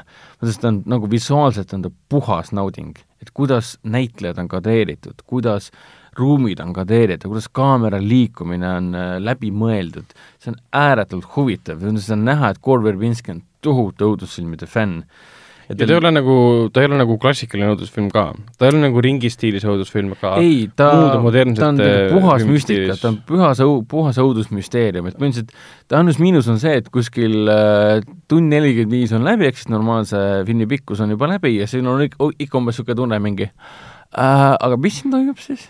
Mm.. aga ma saan aru, et hästi palju freakid stuff'i käib ja midagi on väga valesti, aga ma pole ikka veel aru saanud, mis siin nagu väga valesti siis on. point on selles, et seal peategelane saadetakse siis ühte sanatooriumisse, mis asub mingi Austria mägedes kuskil äh,, otsima oma suure korporatsiooni juhti, kes olevat sinna siis puhkama läinud. Šveitsi alpides tegelikult. Šveitsi alpides, täpselt äh,. Läheb oma korporatsiooni, kus ta töötab, siis juhti otsima, tolle siis selle äh, aktsionäride board'i siis äh, palvel ja läheb sinna ja ta, mida ta muidugi ei leia, on siis see, see juht, kes on seal ära kadunud. no ta leiab, aga tal ja. ei õnnestu kuidagi teda kätte saada sealt. ja, ja, ja lõpuks ta ise pannakse ka sinna sanatooriumisse kinni. jah, et erinevate kokkusattumuste, nii-öelda kokkusattumuste tulemusena satub ta ise ka sinna patsiendiks, ehk siis sa tulid patsienti sealt vabastama, ometigi muutusid ise patsiendiks ja siis ta järjest avastab eh, kahe ja poole, okei okay,, kahe tunni jooksul Äh, kaks ja pool tundi kokku, kaks tundi avastab mm, -hmm. et mis seal äh, nii-öelda spa-keskuses, tervisekeskuses, salapärases tervisekeskuses tegelikult toimub.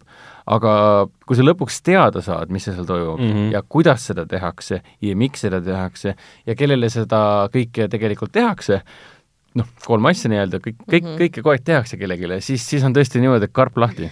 et, et filmi viimased pool tundi omandab hoopis teise filmi nägu, nii-öelda näo et kui sa muidu vaatasid mingi hästi müstilist, tohutu suure mm, nii-öelda auraga õudusfilmi, kus kogu aeg on midagi kõhedat haaramas sinna kurgus kinni, kõris kinni, siis filmi viimane pool, me kõik mäletame, mis seal ei, ma ei mäleta kusjuures, äh, ei ära, ei pea meelde tuletama. sellepärast ongi, ma soovitangi uuesti vaadata, et ta on hästi pikk, ma vaatasin seda vist mingi kuradi neli tundi vist või. vahepeal käisin äh, pausidel ja siis ma need juua toomas ja süüa toomas, siis lihtsalt poe ees mingi kartulit toomas. jah, tõin, viisin pudeli taara, viisin ära läksid teise tuppa kartulit koorima, kuuled kaugelt mingi, noh. Toimub ei, lugu ei liigu, läheb edasi.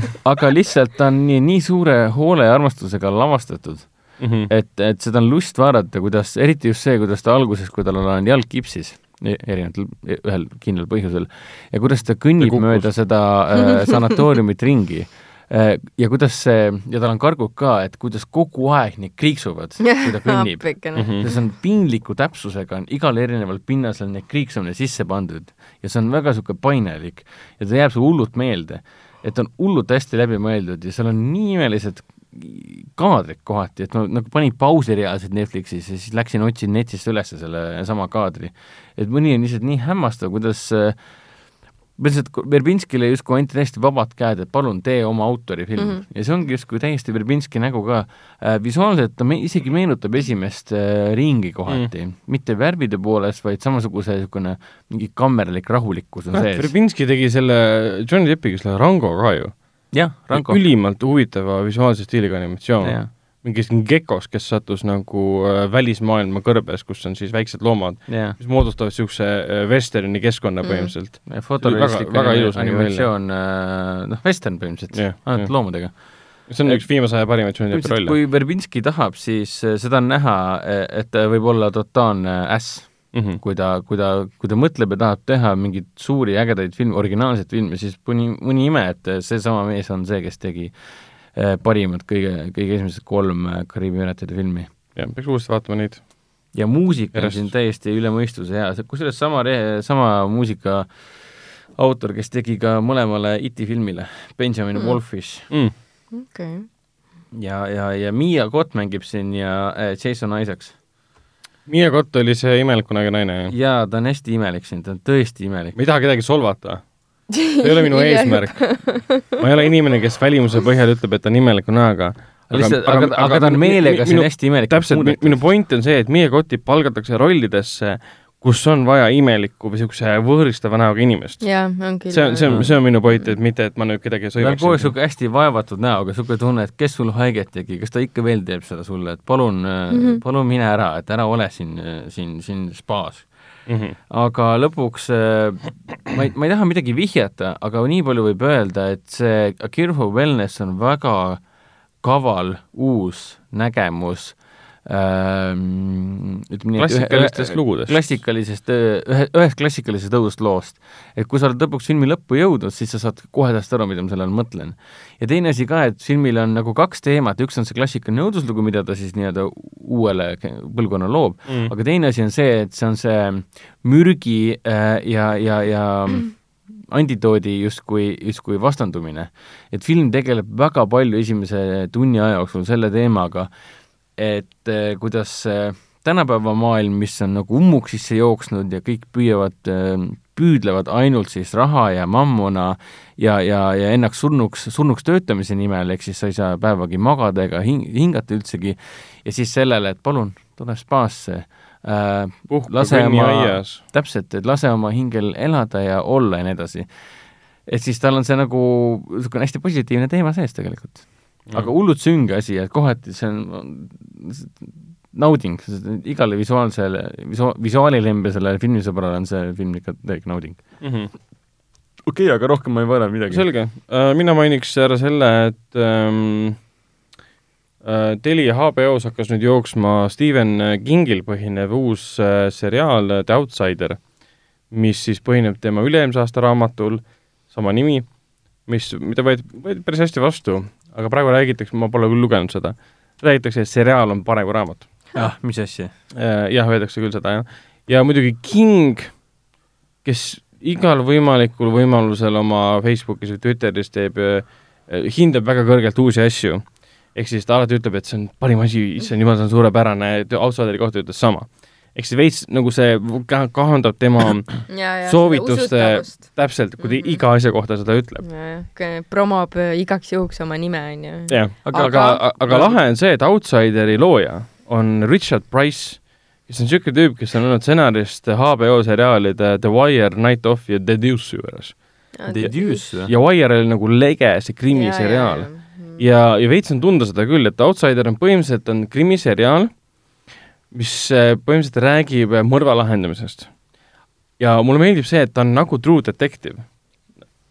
no okei okay,, mitte nii sümpaatsed peategelased nagu Woody Harrelson või Matthew McConaughey, aga kui True Detective puhul sa ootasid, et äkki siin on nüüd see ikkagi üleloomulik element juures, siis kõik märgid viitasid sellele.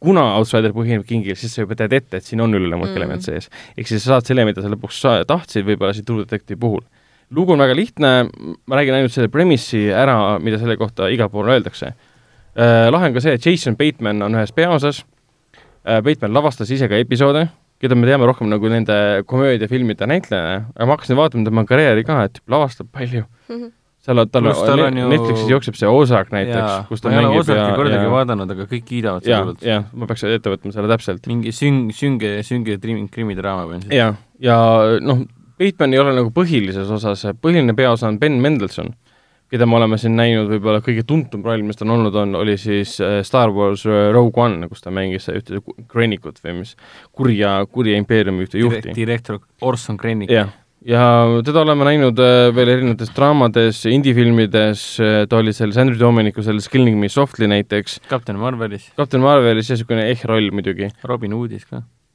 ka ehk roll, aga pigem ta on tuntud väga selliste karmide võimsate rollide poolest. ja Paddy Considine mängib ka, keda me teame siin Briti uh, filmides pigem. jaa, ei Paddy on tore. ja lugu on lihtne äh,, leitakse tükkideks rebitud poisilaip wow., kõik märgid, absoluutselt kõik tunnistajad ütlevad, et see mees, kes on selles väikelinnas äh, väga tuntud tüüp, kes on seal Little League coach põhimõtteliselt äh,, mis on siis see laste pesapalli treener mhm. põhimõtteliselt, kõik teavad, armastavad teda, on temaga koos üles kasvanud, kõik tunnistajad ütlevad, see on kõik nii nagu surmkindlad tunnistused, videomaterjal, mis iganes, tema on tapja hmm.. võtavad ta vahi alla, on valmis teda põhimõtteliselt kohtu alla viima ja siis hakkavad uurima, aga mees väidab, et mina ei olnud isegi linnas, kui see juhtus, et kontrollige üle. hakatakse uurima, jah, ta oli kuuskümmend miili eemal mm -hmm. Mingis raamatu õpetajate konverentsil, kui ta on õpetaja ka, sellepärast mm. -hmm. videomaterjal ka näitab, et ta on seal. nüüd tekibki moment, sul on kaks materjali, tõestusmaterjali, kaks videomaterjali, mis panevad ta ühte kohta ja teise kohta täpselt samal ajal. tõestavad ära, et see pole võimalik või? ja nad nüüd nagu seriaali siis see, see, see, see, see detektiiv üritab aru saada, mis toimub mm.. kuidas on võimalik, üks ja sama inimene samas kohas, üks neist äh, tappis ülimalt mm -hmm. või haigelt ja räigelt ära lapse ja kõik vihkavad teda selle eest ja kogu küla sellest teab, see on ka üks suurim nii-öelda aspekt, mida välja tuuakse ka seal, kuna see peategelane on ka trauma läbi elanud, siis ta meelega tahab, et kui ta võtab selle õpetaja vahi alla, et kõik mm -hmm. näeksid, kõik pildistavad mm, -hmm. ja siis kogu küla hakkab teda, noh, väike linn hakkab teda vihkama põhimõtteliselt mm. -hmm. ja see tekitab omakorda traumat traumat juurde mm. -hmm. aga kuna filmi, selle seriaali nimi on Outsider ja selle raamatu kaanel on ka niisugune äh, äh, äh, tulnukas, jah? kuju, kuju mm, kellel on siis kapuuts peas mm, -hmm. siis sa hakkad kohe märkama, et kui aina rohkem tuleb veidramaid asju välja mm, -hmm mis nagu kõik vastuolulised sellega, mis on, mis on nagu tunnistused näiteks, siis taustal paistab üks hooded figure nii-öelda mm. -hmm. ja siis sa saad aru, et ma olen kaks osa ära vaadanud, sest kaks osa ongi praegu väljas ainult. -hmm. et iga nädal tuleb üks juurde, siis kahe, kümme episoodi kokku. ja sa saad aru, et ahah, siin on mingi, see outsider viitab mingisugusele üleloomulikule jõule, kes kuidagi midagi tegi, võttis tema keha või mhm. mingil põhjusel, aga ma ei tea, miks. no praegu siiamaani ei tea, miks. rohkem ei tahagi teada. ja ta on hästi põnev ta on hästi huvitav. mul on ka HBO olemas. jah, aga ta on selles mõttes, ta on slow, see on aeglaselt mm. arenev äh, krimka.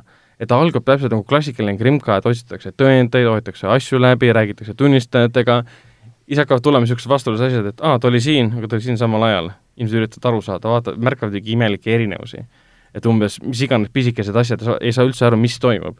ja seal toimuvad juba teise osa keskel niisugused pöörded Äh, äh, ja siis sa mõtled, kuhu see nüüd edasi läheb mm. -hmm. ja sul on kaheksa osa välja jäänud. et ma, ma, mul on jumala kahju, et rohkem episoode pole, et see kuskil Netflixi raske, jah.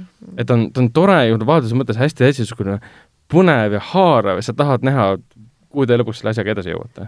Soovitan ette võtta, väga kvaliteetne, väga ilusa operaatori tööga, niisugune hallides, muidugi süngetes toonides, kuna sünged teevad ka muidugi.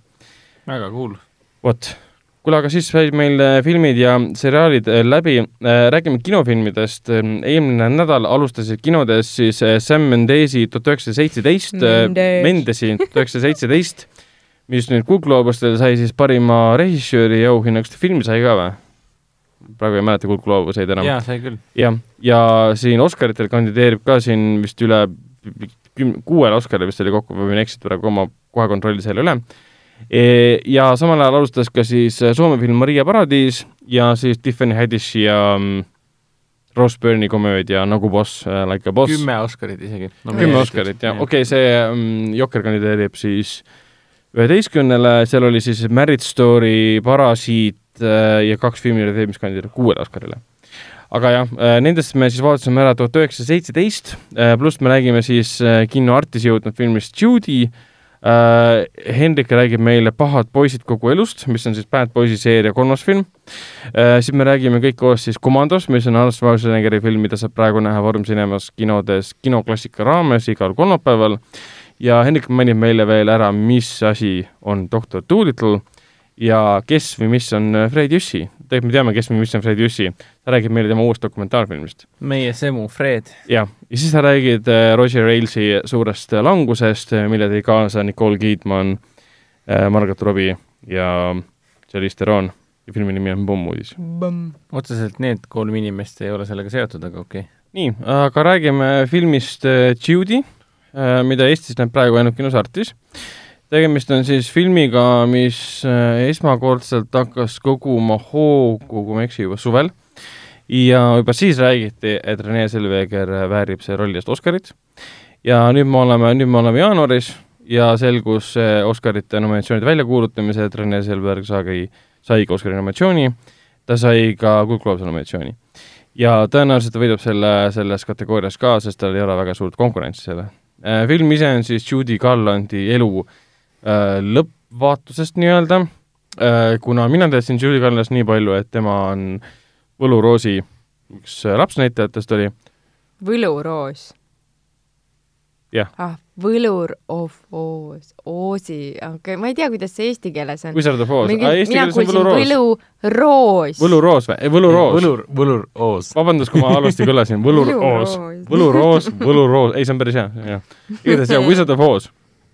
Aga mina ei teadnud tema sellest karjäärist, et ta oli väga suur esineja äh,. esitas laule nii siis filmis kui ka tema enda kirjutatud laule bändidega, käis tuuridel üle kogu maailma, USA-s igal pool sellest osast tema karjäärist midagi mina ei teadnud. ja seetõttu oligi seda huvitav võib-olla siis filmis jälgida äh,, nagu ma ütlesin, jah, see on tema lõppvaatusest, mis tähendab seda, et ta on väsinud, ta on depressioonis, ta elab siiamaani üle seda, et tal pole kunagi olnud lapsepõlve, ta on kogu aeg esinenud, olnud sellise, siis meelelahutuskeskuse nii-öelda hammasrataste vahel äh,, ja nüüd siis, kui ta on nüüd vanemas eas, lõpuks ta vist oli kuuekümnendad, ei olnud ta ei olnud nii palju, ta ei saanud, ta oli ikka nelikümmend midagi, kui ta, ta enesetapu oli... tegi. jah, no tal terve elu oli põhimõtteliselt jah, igasuguste ainete mõju all ja jah, ta leiti oma Londoni hotellitoas, ta oli üledoosi teinud. okei okay.. aa, nelikümmend seitse oli jah, täpselt. Ja see ongi siis tema sellest Londoni faasist, kui ta on, kui ta on esialgu on Ameerikas ja tal ei ole üldse raha käib küll esinemas, aga saab nii vähe selle eest raha ja tulemus on see, et tal ei ole lapsi kuskile panna, tal pole kodu. ja läheb siis oma see endise mehe juurde, kelle ta on lahku läinud, jätab lapsed sinna põhimõtteliselt, talle antakse valik, et kas sa jääd lastest üldse ilma või sa lähed ja teenid raha. ta lähebki Londonisse raha teenima. tema suures kurvastuses muidugi ta peab lastest eemal olema. Ja seal ta esineb, aga ikkagi ta on sügav, sügavas depressioonis, ta ei suuda esinemisest mingisugust naudingut leida. ja sellele film tegelikult väga paljugi äh, keskendubki, ta näitab seda Julie Gallandit, kes on väsinud, tõesti vihkab esinemist, ta pigem joob, tarbib aineid, et magada öösel ja tegeleb kõige muuga kui esinemisega, ta ei võta seda tõsiselt. ja film keskendubki sellele, et kuidas Garland avastas uuesti armastuse laulmise esinemise vastu. see, mis temas hävitati ära sellega, et milline on tema elu olnud selle meelelahutustööstuse keskel. ja erinevad suhted on seal tema endiste armastatutega, uute armastatutega äh,, tema töökaaslastega, Äh, keda ühte naist, assistenti nii-öelda Londonis, kes teda abistab, mängib seesama naisnäitleja, kes mängis Tšernobõlis seda Valeri Ignatenko abikaasat. on või? see hästi lahe naisnäitleja, kelle nime ma praegu ei mäleta. aga film õnneks, ta ei ole klassikaline äh, biograafiline film, nagu, nagu näiteks äh, Bow-Rap oli, noh, see Freddie Mercury film. Jesse, Jesse Buckley. täpselt, et ta ei ole klassikaline äh, biograafiline film, nagu oli Freddie Mercury film ja ta ei ole selline fantaasiarikas, nagu oli Rocketman äh, Elton Johnist.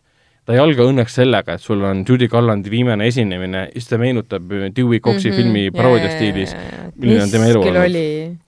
see on no, ta, tavaliselt, tavaliselt on ikka nii, et film algab sellega, et noh, tuleb suur-suur esinemine. Comeback, ja siis, yeah. siis, filmi lõpus on see, et aa, nüüd me nägime ära, mida ta kõik mm -hmm. kannatanud on, nüüd ta teeb metsiku, metsiku comebacki. siin, siin on veits teistmoodi, et juba see film tegelikult, ta ei ole kunstiliselt väga suur võimas saavutus aga seal on väga ilusad võtted. Mm.. kas või sellega, millega film tegelikult algab, lihtsalt on suur plaan ühe tüdruku, hiljem saad aru, et see on Karnad muidugi mm, näost. ja sa näed põhimõtteliselt tema nina ja võib-olla silmi ja keegi taustal räägib talle, mida sa pead tegema, et selles tööstuses hakkama saada ja siis ühel hetkel tema hakkab kaamerast eemalduma, siis hakkab kaamera teda jälitama ja see on üks pikk äh, kaader põhimõtteliselt, kuidas ta räägib ühe produtsendiga, kes räägib talle, mida, kelleks sa pead kujunema mm -hmm.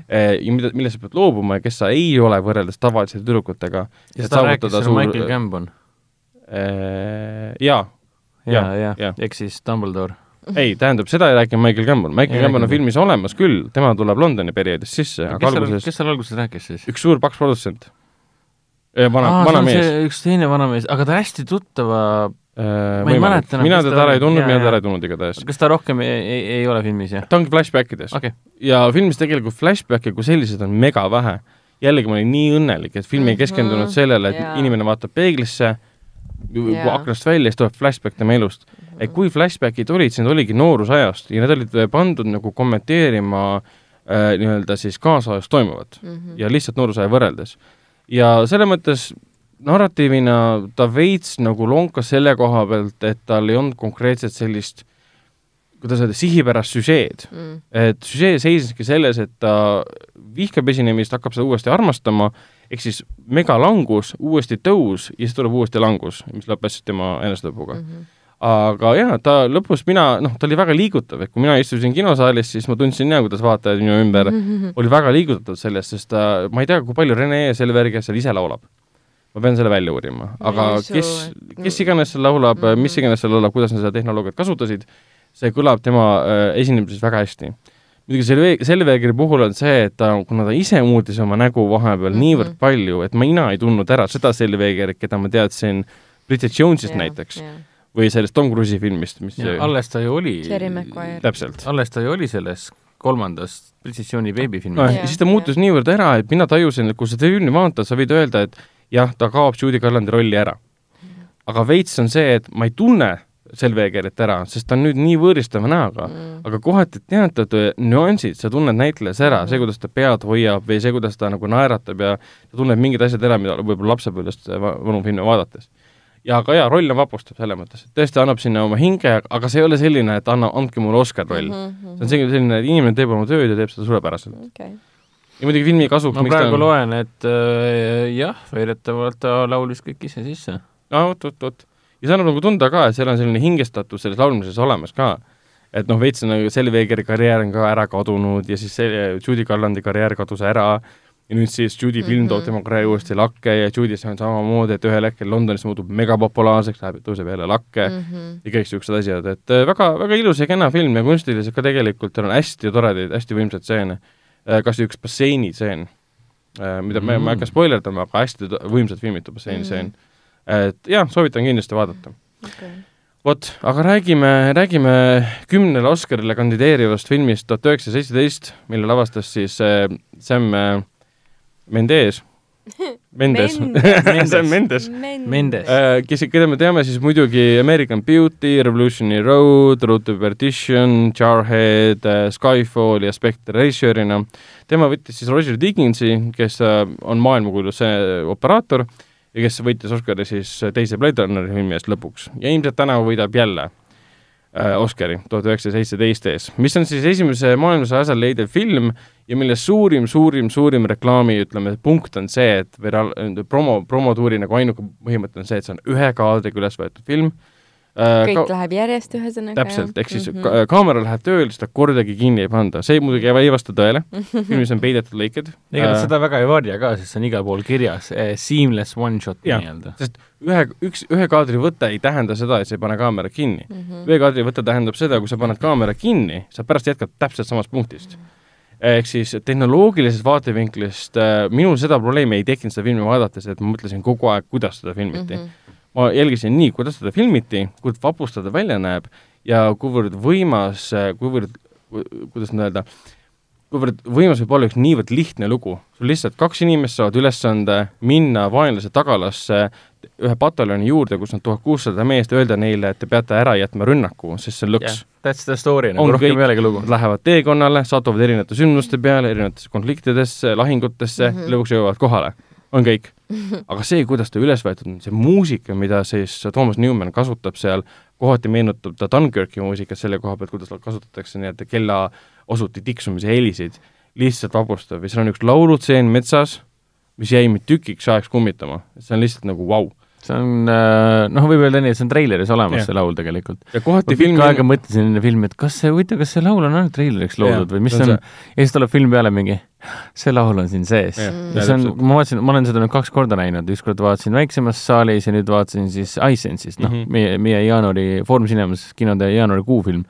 ja iSense saalis istudes ja seda nagu hunnitud meistritööd või noh, kätemeist- või noh, käsitööd vaadates tõesti, see, kui lõbus see laulutseen kohale tuli, siis mul endal ka niisugune tunne, et mingi ma tahan koos äh, selle George Mackay äh, kehastatud sõduriga vastu, vastu puud nõjatuda mm. ja natukene puhata yeah., sest kõik, mis ta siin on vahepeal läbi elanud, on lihtsalt nii intensiivne olnud. jah, ja see ongi see põhimõte ka, et ta hoiab sind oma selle konksu otsas, sa tunned seda pinget, mida tegelased tunnevad, sa kogu aeg tajud seda hirmu, seda pinget, mis nüüd juhtub, mis nüüd juhtub, sul on kogu aeg sinus olemas, sest sinu pilk ei lahku sellest, mida tegelased näevad, sinu eest ei varjata kunagi otseselt midagi.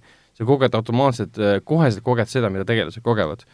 Ja, ja siis, kui tuleb tegelase nii-öelda rahunemise hetk, siis sa oled ka umbes niimoodi, et issand, nüüd ma saan hinge tõmmata, et see veits meenutas mulle oma selle tempo koha pealt äh, nagu isegi Mad Max Fury Road'i, kus oli samamoodi, et film hakkas peale, siis mingi vau wow,, gaas põhja. ja siis ühel Mad Maxis vist oli alles lõpus kuskil, kui jõudsid sinna Green Place'i oli täpselt. kuigi noh, tuhat üheksasada seitseteist on rahulikum film selles mõttes küll. jaa, selles mõttes ta võtab ikka nats nõksa aega, enne kui ta ja. hulluks läheb selles suhtes.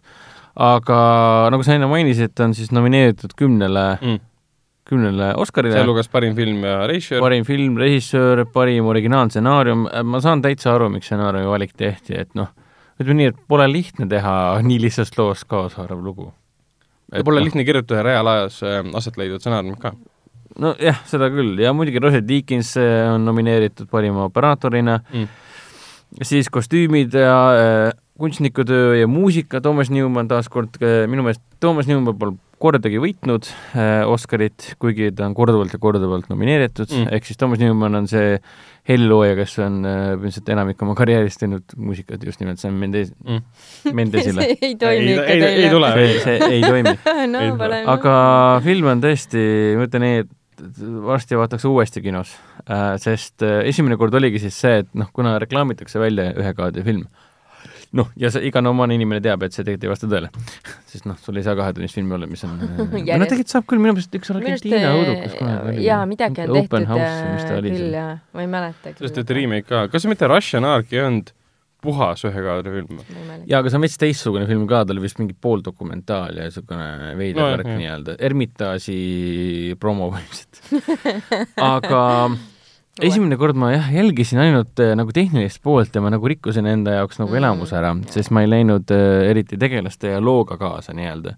hakkasin lugema järjest neid äh, peidetud äh,, peidetud lõikeid nii-öelda, sest kõik on väga hästi ära peidetud, isegi äh, isegi, isegi meiesugused ei pruugi neid mm -hmm. märgata. või siis, kui sa märkad, siis sa jääd mõttesse. jaa, täpselt. kas see on nüüd lõige või on see lihtsalt pime, et noh, aru ma ei saa. kinni ja siis on lugu edasi läinud mingi ja. viis minutit, siis mis, mis toimus vahepeal? no ongi, et siis vahepeal keegi teeb siin midagi emotsionaalset ja siis mingi äh, okei okay,, ma olen jäin nüüd filmist ilma. ja no teist korda Icesense'i saalis vaadates ma vaatasin ainult filmi ja ütleme nii, et äh, ma olin täitsa üllatunud, kui nagu emotsionaalselt läbi film ütles, et äh, mina nimetasin filmi, kui sa paned kokku äh, Reames Ryani päästmise ja Mees, kes jäi ellu, ehk siis mm. Saving Private Ryan pluss Revenant, siis sa saad mhm. äh, tuhat üheksasada seitseteist.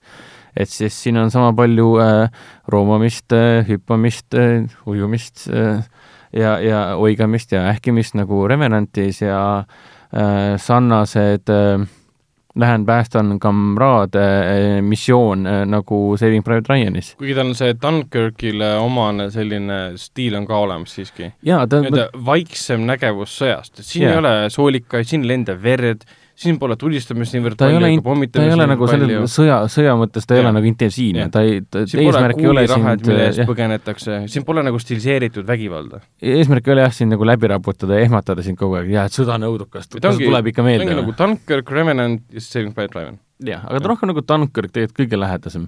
lihtsalt kuna Dunkirk on nii erineva ja nii erilise struktuuriga mm., siis väga raske on teda võrrelda tuhande üheksasaja seitsmeteistkümnega aga film on tõesti ääretult tehnilistes kategooriates on ta nagu meeletu töö.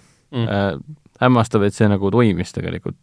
ma arvasin, et nii lihtsa looga noh, et ta jääb umbes niimoodi, et no, et tehniliselt väga hea film, aga noh, sisuliselt läks igavaks. ma kartsin seda kõige rohkem. no siin aga oli, ütleme, mõnigi ootamatus, mida ma arvasin, et äh, elu sees ei tule siia filmi. Ma ei saa sellest rääkida. Mm, -mm. aga ja, see oli nagu vau wow, lihtsalt, seda, seda ma ei oodanud, ütleme nii ja seal on mõned niisugused kohad, et kuskil keegi võrdles ka seda äh,, seda filmi siis Saving Private Ryaniga, et Private Ryanis sul jääb meelde algus kõige rohkem mm -hmm, yeah. tänu sellele, kuidas ta on filmitud mm. -hmm. aga ülejäänud film, sul ei jää visuaalselt midagi meelde, mis seal nagu seal on, läheb lappama ikka täiesti. sa võib-olla mäletad seda lõpus, kuidas äh, Tom Hanks tulistab oma käsirelvaga seda tanki, mis õhku lendab, ja rohkem sa otseselt midagi nagu ei meenu. aga sa mõtled tuhande üheksasaja seitsmeteistkümne peale no,? Vin Dieseli surmaseen aa, ah, see on, no vot, sa pead mulle meelde tuletama aga see on vist pigem sinu probleem, kui sul meelde, meeles ei ole. alles no,, okay, alles okay. sa nägid seda ju jaa, no täpselt. kinos reaalselt, kinoklassikas. aga minu point on selles, et esimeses reas ka oli. no mõtle, et tuhat üheksateist, kus on lugu väga vähe tegelikult, ütleme eh,, lugu on nagu tal piisavalt, tähendab, ta ei ole niivõrd äh, süžeerikas, ütleme nii pigem, seal on niivõrd võimsad kohad, kas või üks ööstseen ühes hävinenud linnas ja kus siis rangevate valgusrakettide valguses tegelane põgeneb, kuidas see kõik välja nägi, niivõrd kummituslik. Ja siis hakkas sa nägema teatavaid selliseid sümboleid, mida sa ei oota sellisest filmist. et nagu põlev hoone näiteks ja inimene selle taustal, põlev kirik näiteks, inimene selle taustal ja siis on, aa, okei okay,, me oleme nagu siin maailma mingis surnuaias põhimõtteliselt ja me ei näe vaenlasi, kes meid tulistavad, need on nagu mingid vaimud, kes sind taga ajavad mm, ja mm. et ta selle õu, nagu õuduse ta suudab suurepäraselt esile tuua, mida sõda inimesele tekitab. Ja kui sa vaatad peatege-, peategelaste nagu are-, arengut ka nägude viisi, siis kui ta lõpus kohale jõuab, sa näed, et ta on noh, tema hing on ära hävitatud. me ei tea, kas ta kohale on jõudnud sa räägid praegu tuhande üheksasaja seitsmeteistkümnendast. võib-olla, võib-olla nüüd me, me ei tea, kas nad kohale jõuavad. tõmbame kokku selle osa, et okay, okay, noh okay., tead, siin minagi näiteks ju ei ole näinud. keegi meist ei tea, kas nad kohale jõuavad ja mis kujul ja, ja kas ühes tükis ja nii edasi see, et sa praegu sellest rääkima hakkasid, spoilerdab rohkem kui see, mis mina rääkisin ei, aga äkki nad kõik film, äkki, äkki on petekas, äkki kõik filmi alguses saavad surma ja Ma nad tean, polegi peategelased. see oli uni kõik. jah, jah. Mm. aa, ja see, kuidas film raamitud on, lihtsalt kirst tordil hämmastav. kirst. aa, jaa. kirsttordil, kirsttordil. jaa, seda ei saa muidugi rääkida, mis see on, aga see on ja. nii, noh, nii ilmselge, mismoodi see raam tehtud on. võib-olla tehniliselt võiksid veel rääkida, et nad pidid kogu filmi filmima niimoodi, et päike kunagi ei paista no,. ehk siis nad said filmida ainult siis, kui pilved keset päeva lähevad päikesele ette. ehk siis kujutad ette, kui nagu... nad filmivad, viisteist minutit on filminud kahekümne minutises kaadris näiteks, kurat, tüübid, päike tuli välja, putsi paneme kinni wow,. vabandust wow,, vabandust, vabandust on aeg edasi liikuda. selle me lõikame küll välja. see on see, kurat, paneme kinni, et noh, ongi okay. Et ma ei kujuta ette, kui palju niisuguseid momente neil võis juhtuda ju,, juhtuda nagu võtteplatsil, aga ma usun, et seda ikkagi oli, sest ilma ei saa kontrollida selle koha pealt. kuna raha tõenäoliselt ei olnud probleem, siis on kõik hästi. jaa, selle eelarve oli mingi sada miljonit vist. no näed siis, siis sa ootad seda pilve ka seal nädal oh, aega, nii et pole probleemi. sööd oma hernesuppi ja on rahul. nii. vot, kuule aga Hendrik, räägi meile natukene Pahad poisid kolmandast eh, filmist, mis on siis järg pahad poisid ühele ja kahele, kus on taas kord peaosas Will Smith ja Martin Lawrence. Bad boys, bad boys. ehk siis Margo What you gonna do when they come for you? Bad boys, bad boys. siis me, mina laulan nagu see Martin Lawrence tegelas, vaata ta oli olnud teises osas meeles, vaata. ja, ja siis ja siis see Mike Lowry kogu aeg õiendas teda. oota, Markus Burnetti, Mark Lowry. Mike Lowry, jah. ehk siis Michael esimene Lowry. Bad Boys oli Michael Bay äh, režii debüüt. jah, üheksakümmend viis oli siis aasta. jah, ja teine Bad Boys, mis tuli mingi kaheksa aastat hiljem. kaks tuhat kolm. jah, oli Michael Bay nagu korda tuhat mm. -hmm. seal on kõikvõimalikud Michael Bay asjad sees, ta on rassistlik, ta on solvav, ta on vastik, seal on naiste kehakujutus lihtsalt ainult objektidena ah,. jaa, jaa, me oleme sellest nagu rääkinud, jah. küüniline, niisugune viha täis film, sa saad aru, et milline reisijal on Michael Bay. aga kuna Michael Bay'd enam pole, sest tema sai Netflixilt kakssada miljonit, tegi selle Six Undergroundi äh, Ryan Reynolds'iga, tal polnud aega, siis nüüd on tema uueks reisijariks on äh, üks, üks, üks duo, kelle nimesid ma ei mäleta praegu, sest nad on suhteliselt tundmatud veel. Nad on täiesti tundmatud režissöörid ja nad on siis äh, Adil El Arbi ja Bilal Fallah. no vot. produtsendiks on taas kord superprodutsent äh, Jerry Bruckheimer. ja, ja, needsamad kaks režissööri, äh, vähemalt hiljaaegu veel räägiti, et nemad hakkavad lavastama siis ka Eddie Murphy äh, Beverly Hillsi järgmist filmi ah,, aga kuna see kolis Netflixi ümber, siis ei tea enam, kas need on samad inimesed või mitte aga räägi, Hendrik, kas Michael Bay puudumine hävitas selle kolmanda filmi ära, kas see on järjekordne Sony mõttetu püüdlus taaselustada äh, äh, filmiseeriat, mis on ammu, ammu, ammu seisma jäänud, umbes nii, nagu juhtus äh, Mehed mustas neljaga? kas see oli mõttetu halva stsenaariumiga film, mis lihtsalt loodi sellepärast, et neil oli tahe olemas, aga vahendasi, vahendeid nagu oli ka, aga ideed selle taga polnud? sest tegelikult kriitikutele Bad Boys kolm meeldib jaa, see, see ongi kõige hämmastavam, et kui lõpuks äh, Rotten Tomatoesi väravad avanesid, siis esialgne tulemus oli üldse üheksakümmend kuus. Äh, ehk siis üheksakümmend kuus protsenti, mis mm -hmm. oli totaalne šokiteraapia selles mõttes, et nagu Bad Boys kolm ja üheksakümmend kuus protsenti. praegu peaks ta olema langenud juba mingisugusele seitsmekümne seitsmele, seitsmekümne kuuele, äh, seitsekümmend kolm on ta praegu. ja audience score on üldse üheksakümmend kuus mm.. ehk siis äh, tundub, et rahvale väga meeldib ja kriitikud, äh, ütleme nii, et sellisel tasandil, nagu sa praegu kirjeldasid, et äh, võib, võib öelda küll, et seitsekümmend kolm tähendab seda, et kriitikud on enam-vähem sillas filmist mm. -hmm. ehk siis kõik on umbes sama meelt nagu minagi pärast tänast seanssi. ehk siis see on vist viimaste aastate kõige lambisem üllatusfilm. lambisem selles mõttes, et ma ootasin ikkagi halba filmi, ma ootasin, et see on Rotten Tomatoes viisteist ja ma ootasin, et see on niisugune igav vürts, mida tehti ainult selleks, et on vaja kolmandat osa, sest see on vana frantsiis, juba seitseteist aastat vana, et teeme veel. aga tulemus oli see, et äh, ma ei olegi sulle jõudnud rääkida, ma Helenile enne rääkisin, enne kui me kokku saime mm. -hmm. tulemus on see, et äh, ta on väga sellisel kujul, nagu ta on, ehk siis lõbus märulikomöödia, ta on väga hea mm. -hmm ja ma, mina ei tea, varsti võtaks uuesti või? sest ta on nagu täielik popkorni komöödia, märuli, märuli komöödia. nii nagu neid, nagu vanasti tehti nii-öelda. et kui sulle meeldib äh, surmarelvad äh,, Bad Boysid äh,, Fast and Furious'i seeria ja nii edasi, kui sulle meeldib äh, kiire action, ägedad tegelased, kes, kelle omavaheline klapp ja keemia on äh, täiesti toimiv Äh, kui sulle meeldivad nagu väikesed ja suuremad twistid, mis on kavalalt sisse pandud ja mis on tegelikult üllatavad ka. ma ei oodanud selles filmit, et siin tuleb mingi suurem twist ka, mis nagu ütleme nii, et Karbi Kaanet tegi veits lahti, sest sa ei oodanud, et selliseid asju hakatakse sellises seerias tegema. mida, nad on tegelikult vennad või? Äh, ei, nad on äh, õde, õed aga siin ma olen väga üllatunud, et see on aasta üks suurimaid üllatusi praegu, aasta on noor, aga ta on üks suurimaid üllatusi, et ta tõesti toimib.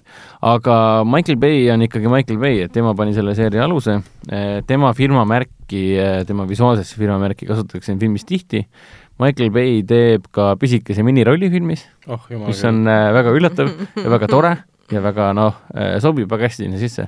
üks, üks, ühes kaadris põhimõtteliselt, ühes ka,, kahes kaadris äkki mm -hmm. kokkuvõttes aga Will Smith on tagasi, Martin Lawrence on tagasi, nad on täpselt samasugused tüübid, nagu nad olid teises osas, teisest osast ma ei suurt midagi ei mäleta. nagu seal kes... oli see mingi narkoboss mingis Kolumbias oli paha. No, no täpselt, see oli sama asi oli ka esimeses osas, et Bad Boys kaks on praegu õnneks siin Netflixis olemas, et ma kindlasti lähiajal vaatan ära, et Bad Boys kaks kestis kaks ja pool tundi ja, ja, ja aga ütleme nii, et ma ei igatsenud seda Michael Bay äh, ülikiiret äh, montaažistiili äh,. seda no iga paari sekundi tagant, see on hirmus. ja ma ei, ei igatsenud ka sellist meeletut jutuvada, mida nad tegelikult omavahel ajasid, et kui see kaks tuhat kolm välja tuli, siis ma olin kolmteist ja vist, ma nägin filmi äkki neljateistkümne, viieteistkümne aastasena äkki midagi taolist. Ja ma mäletan siiamaani, et isegi siis äh, mul hakkas vastu, et kaua ja kui palju ja kui mõttetult palju te suudate möliseda omavahel. Mm.. et see tuua lihtsalt pläterdas niivõrd palju, et nagu viimase piirini. siin äh, see pläterdamist on palju, aga see on nagu maitsekuse piirides, et see on täpselt nii, nagu üks äh, pikka aega, kakskümmend aastat tegutsenud duo äh, võiks omavahel suhelda. Ja väga palju keskendutakse sellele, et kaua nad koos töötanud on äh,, väga palju keskendutakse sellele, et nad on parimad sõbrad, nad on partnerid.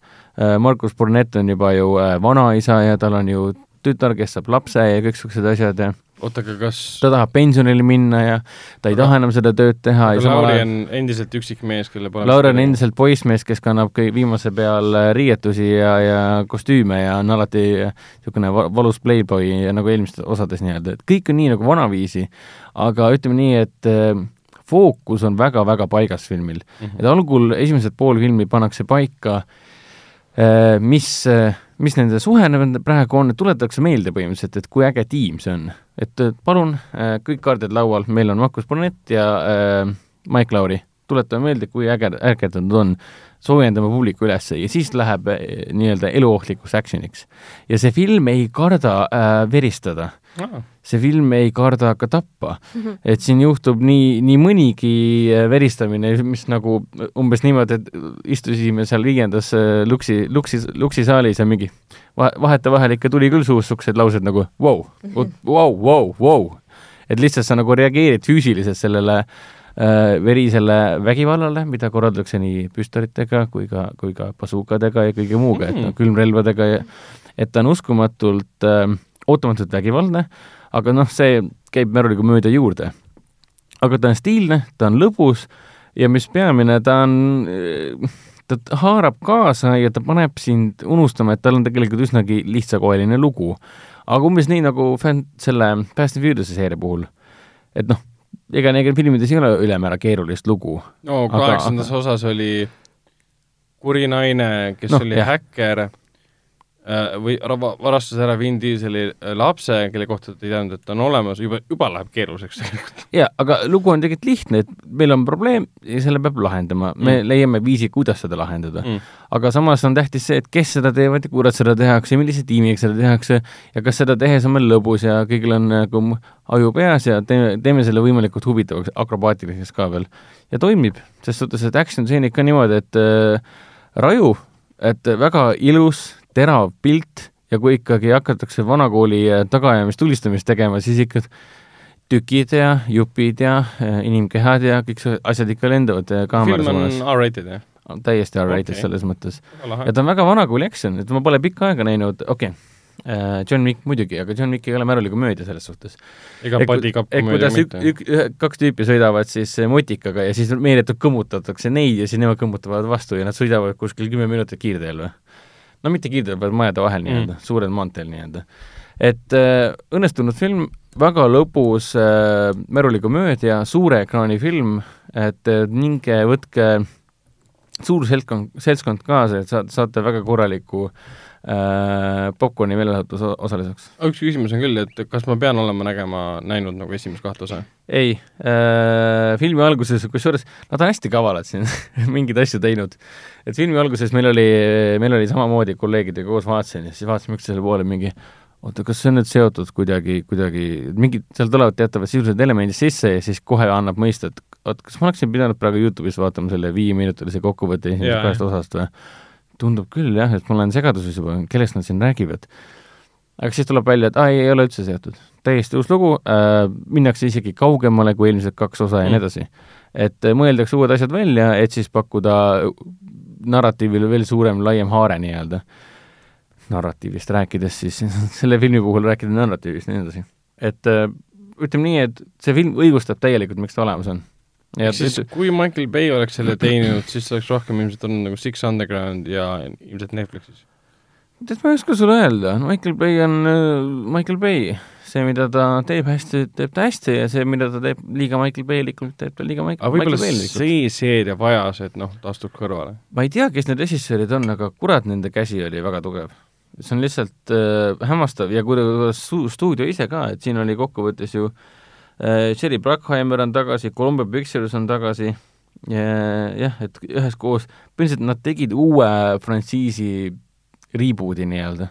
et kolmas film annab mõista, et ehk siis nad ütlevad küll, et one last ride umbes nii mm -hmm, nagu mhm. äh, Fast and Furious'es, aga umbes niimoodi, et et kui, kui mitu viimast sõitu me siin nüüd, nüüd edasi teeme, sest film on väga, väga edukas tõenäoliselt box office'is. ilmselt te teevad siis ka neljanda osa ja äh, jah, et antud hetkel ma ei näe küll põhjust, miks ta ei võiks olla edukas, ma, mina tahan nüüd küll juba neljandat näha. aga kas, ütle mulle, kas see film seostub ka selle, selle seriaaliga, mis hakkas vahepeal jooksma, mis, kus mängib see Gabriel Union kes mängis Bad Boys kahes ja Jessica Alba, mis äh, on siis nagu Bad Boysist sündinud äh, naiste versioon Bad Boysist, nad on ka politseinikud. Et kas filmis on mingi seos sellega? see, see seriaal on olemas. ma ei mäleta, mis selle nimi oli, aga Alba ja siis Union on seal peaosades ma ei tea, kas ta enam üldse jookseb, äkki sai cancel'i ka, ma ei tea. on jah, mingisugune asi nagu Bodycop television series LA, LA-s Finest. jaa, täpselt, LA-s Finest, jah ja seal on seesama karakter, keda siis äh, Gabriel Union mängis äh, Bad Boys kahes. aga ilmselt offshoot öeldakse selle kohta, mitte spin-off. no jaa, offshoot, jah.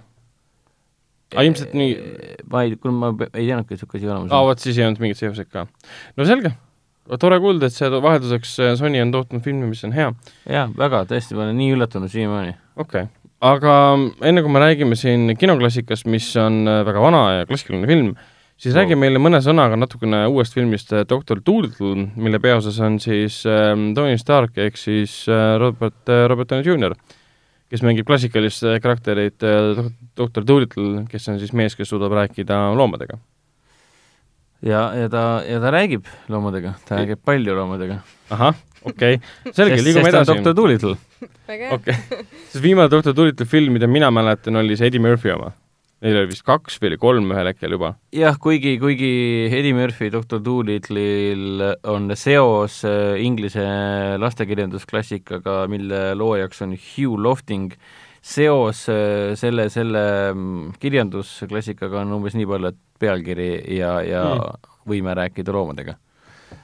noh, about it, rohkem no, rohkem nagu no, ei ole. et põhimõtteliselt äh, üle väga pika aja on Robert Downey äh, uus värske ekraniseering äh, Hugh Loftingi looming lo,, vabandust, Loftingu äh,, Loftingi äh, ekrani- uus ekraniseering, see on üle pika aja esimene katse üldse seda nii-öelda taasluua, tuua moodsale publikule nii-öelda. et ühelt poolelt ta õnnestub, õnnestub isegi väga, aga teiselt poolt on tegemist väga suure eelarvega, veidi, mis ta oli, sada seitse, üle saja miljoni dollari eelarvega mm, -hmm ta on väga suure eelarvega, väga suure produktsiooniga film, mis on mõeldud kuni kümneaastastele lastele. ja see oli kõige kummastavam asjaolu selle filmi juures. miks tehti nii kallis film äh, lastele? E, jah, ja no on ilmselge, et see ei ole päris see, mida nad äh, taotlesid, sest noh, filmil oli noh, palju probleeme ka, aga sinna me veel jõuame aga mis ta siis on, noh, meil on doktor Doolittle ehk siis äh, Robert Downey Jr, kes põhimõtteliselt äh, teeb äh, Guy Ritchie Sherlock Holmesi tegelasest karakterist justkui laste versiooni. Okay.. sest ta väga meenutab sellist ekstsentrilist sassi aetud juustega Sherlock Holmesi, Guy Ritchie Sherlock Holmesist. Mm. -hmm ja, ja muud ei olegi, kui saab missiooni, et tuleb, tuleb minna otsida salapärast, salapärast äh, aaret, ma ei hakka ära ütlema, mis see on, aga keegi on väga suures hädas, kes vajab ühte salapärast asja. ja siis tema võtab oma loomasõbrad kaasa ja ühe inimsõbra ja läheme koos suurele teekonnale. sa ütled loomasõbrad, aga kes siis?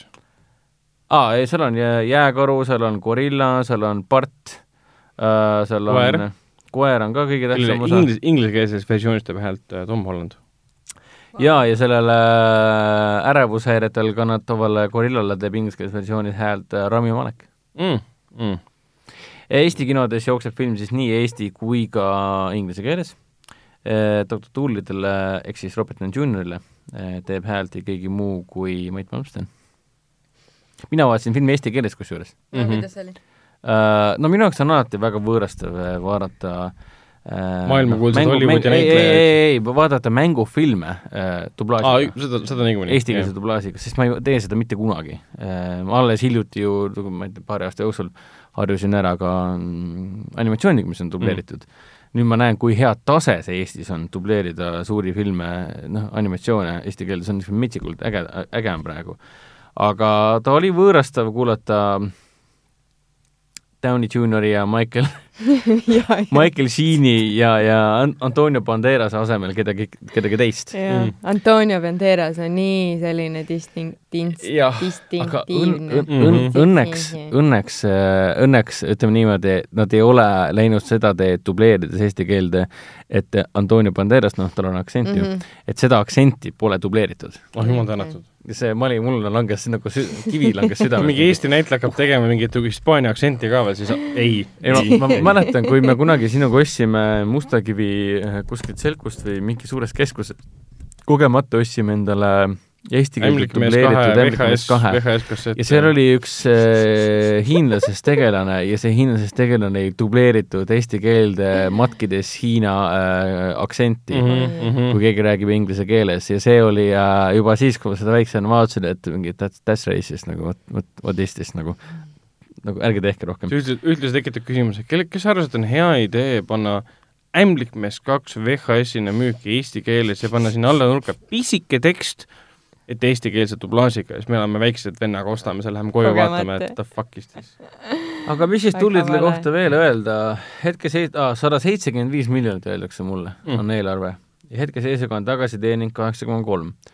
noh, vara veel midagi öelda, sest täna on, äh, täna, kui me praegu salvestame, on reede, ehk siis nädalavahetus pole veel alanud USA-s tuli, tuleb film välja siis seitseteistkümnendal, ehk siis noh, täna noh, jah. aga filmi kahjuks räägib see, nagu enne ütlesin, et kuni kümneaastastel ehk siis viie kuni kuueaastased on väga siljas filmist, olen juba saanud kinnitust ka, et just täpselt niimoodi ongi. et lapsed täiega lähevad, pööraselt elavad kaasa ja see on täpselt niisugune film, mida peaks just nimelt väike, pisilastega nagu nautima. täiskasvanutega on see probleem, et ta ei ole Kariibi mere piraadid, ta ei ole isegi äh, Alice in Wonderland, Alice imede maal, see Tim Burtoni oma mm. -hmm. ta ei ole äh, sedalaadi film, mis oleks eriliselt nauditav täiskasvanutele ja see ongi kõige hämmastav, et sul on sada seitsekümmend viis miljonit dollarit eelarve ja sa teed, teed pisipõnnidele filmi äh, noh, sellise näitlejaga no,. Minionsid on ka pisipõnnidele, aga see on hoopis teistmoodi, puhas animatsioon, mida tegelikult saavad nautida ka täiskasvanud. loomulikult ma ei ole kriitikutega nõus, kes väidavad, et tegemist on totaalse saasta ja crash, crash'iga ja burniga, et palun pange põlema, enne kui ta sünnitama hakkab, et mis asja nagu mm.. see on absurdne. ma, ma vaatasin filmi rahulikult eesti keeles ära ja mina mõtlesin, et okei okay,, vahepeal hakkas veits igav, aga come on, kui ma oleksin seitse, siis ma tuleksin koju, ütleksin, ei, see oli kõige parem asi maailmas pärast veeuputust no,. et noh, et põhimõtteliselt, kui teil on pisilapsed äh, ja, ja te ei karda äh, oma aja pärast, siis äh, nautige rahulikult. ega, ega täiskasvanud inimesed ei tunne ennast solvatuna seda filmi vaadates, see ei ole selline film mm. -hmm. see ei ole Cats selles suhtes. Catsi no. vaadates on küll tunne, et no okei okay,, see on, see ongi see, mitu põrgu, põrgusfääri oli seal Dantel, seitse, seitse või? üheksa ei olnud või? või üheksa või, igatahes see on kuskil seal keskel, et see päris selline põrgu ei ole, et noh.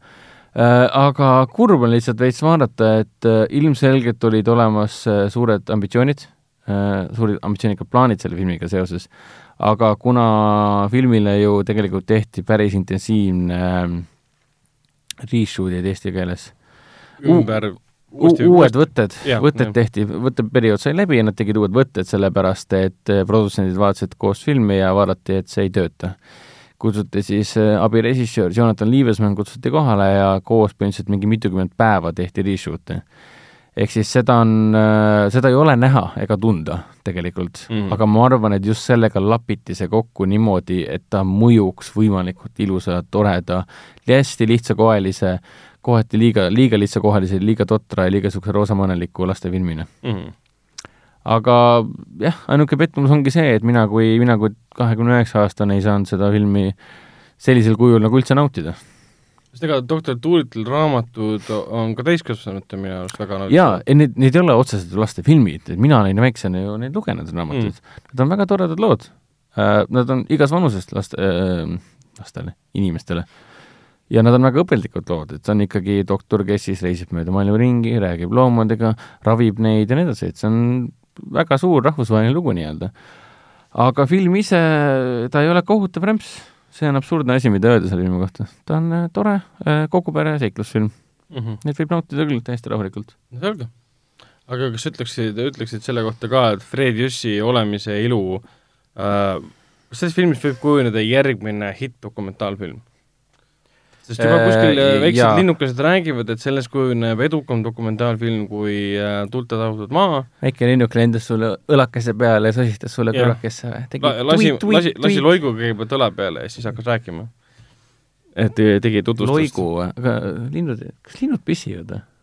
Neid tuleb koos. aa, nad lasevad kõik korraga välja mm, -hmm. okei okay.. see on lihtne elu ikka mm. -hmm. inimestel võiks ka niimoodi olla mõnikord aitäh sulle selle pildi eest. Äh, Assoo, niimoodi on sulle öeldud juba või? ma olen kuulnud jah, et inimesed ennustavad, et temast äh, võib äh, kujuneda edukam kui Tõlta tahutud maa, ilmselt ta ei kujune edukamaks kui see Tanel äh,, Täne-, Ott Tänaku film raske öelda, kas ta nüüd hakkab olema äh, suurem kui ja tahutud maa, sest ja tahutud maa äh, tegi nagu, murdis maha kõik, kõik, kõik eelarvamused, mis puudutab dokumentaalfilme Eestis, Eesti enda dokumentaalfilme. Mm.. loodusfilm, Joosep Matjuse Eesti loodusdokumentaalfilm ja no selle filmi juures on ka Joosep Matjuse operaator jälle. et Joosep Matjuse järgmine projekt ongi siis Fred Jüssi, et Jaan Tootsen on filmi äh, lavastajaks ja, ja peaosas on siis Fred Jüssi ja Eesti Loodus ja operaatoriks, kes selle kõik jäädvustas kaamerasse äh,, kaameraga, oli siis Joosep Matjus mm. -hmm. vägev, vägev kombo, kõik teavad Eestis, kes on äh, Fred Jüssi äh,. Võimalik, et film jõuab peaaegu et sama lähedale, raske öelda, kas see ka tõele vastab äh,. tegemist on siis kuuekümne kahe minutilise äh, kuidas seda öelda, loodusfilosoofilise dokumentaalfilmiga. loodusmõtisklus. loodusmõtisklus, sest eh, film koosnebki peamiselt Fred Jüssist ja Eesti loodusest ja sellest, kuidas eh, Fred Jüssi mõtiskleb eh, ja arutleb selle üle, kuidas tema tunnetab ja suhestub oma elu, oma sisemise elu ja Eesti loodusega mm. -hmm. ehk siis kuidas, peamine teema on see, kuidas ta hindab oma elus kõige rohkem vaikust ja kuidas ta armastab metsas olemist ja kuulamist. vaikus ja kuulamine on kaks põhilist asja, mis filmis kaasa võtta. ta on minu meelest hästi rahulik ja mõtlemapanev ja õpetlik film, et ta on suurepärane võib öelda küll, et loodusdokumentaalfilm, sest loodust on siin üheksa, üheksakümne protsendi usaldu-, ulatuses äh, ta tõesti laseb sul tegelikult aja maha võtta, et see on nagu vastumürk tervisele nii-öelda. Nagu A Cure for Wellness siis, et lähed spaasse ja lihtsalt lased, lased ennast vabaks ja naudid ja lihtsalt lähed äh,, film viib sind lihtsalt nagu teise kohta ja elad oma oma, oma niisugust medi-, medi-, mediteerival tasandil kuskil mm. elades, elades, et et sellisel kujul on Fred Jüssi Olemise ilu Jaan Tootseni film äh, väga, väga mõnus vaatamine, väga äge film sest äh, ega neid loodusdokumentaalfilme meil Eestis ju kinos nagu palju vist ei ole ja, ja pärast Mattiusest, Mattiust võib ka öelda, et, see on nagu Tuulte tahutud maa kaks. Rõõm kuulda. et kui meeldis Tuulte tahutud maa, siis meeldib see ka, isegi no,, isegi väga. vaatajate huvi jälgides, siis äh, inimesi ei heiduta absoluutselt see, et see on kuidagi aeglane ja mõtisklev film vot äh,, aga viimasena uutest filmidest, räägi meile mõne, mõne sõnaga äh, Pommuudisest mis on siis J. Roachi uus, uus film, kus juba sai mainitud, et peaosades on siis Roger Ailes rollis, kes oli siis Fox Newsi juht, kes sealt maha kangutati äh, seksuaalsete rünnakute, ahistamise ja igasuguste muude rõvedate asjade pärast äh, ja peale Litku mängib seal ka siis äh, Nicole Kidman, Margot Robbie ja Charlize Theron, keda ei tunne üldse vist ära, sest ta nägu on ära lihvitud, et ta sarnaneks sellele Megan Kelly. Megan Kellyle, täpselt. Megin või Megan ikka või? ta on Y-ga kirjutatud, ma ei tea, kus see jaa, ta on Y-ga jah, tegelikult. aga, aga räägi jah mõne sõnaga, mis, mis see film endast kujutab ja kas on ta nii äge, nagu räägitakse? ta on siis suur äh, auhinnahooaja film tegelikult, kolmele Oscarile nomineeritud, äh, ühel, äh, ei, kahele Osk-, vabandust, Kuldgloobusele ka samuti nomineeritud, ühtegi Eesti küll ei võitnud, aga esirinnas on muidugi siis peaosas Charlize Theron ja kõrvalosas Margot Robbie Äh, Deron teeb tõesti sellise rolli, et äh, sa, sa näed, et see on Deron, aga samas nagu ei ole ka mm. -hmm. et mõttes, mina, ma olen seda Megan Kelly saagat ikka jälginud alates Trumpi ajastu alguses äh,, algusest ja, ja, ja ma ikka tunneksin Megan Kelly iga kell ära ja ta näeb nii sarnane välja, et kohati on üsna creepy. või noh, creepy selles mõttes, et nagu et mis te seal Listeroni, Teroniga tegite ja kuidas te teda kokku panite Megan Kellyga mm. -hmm.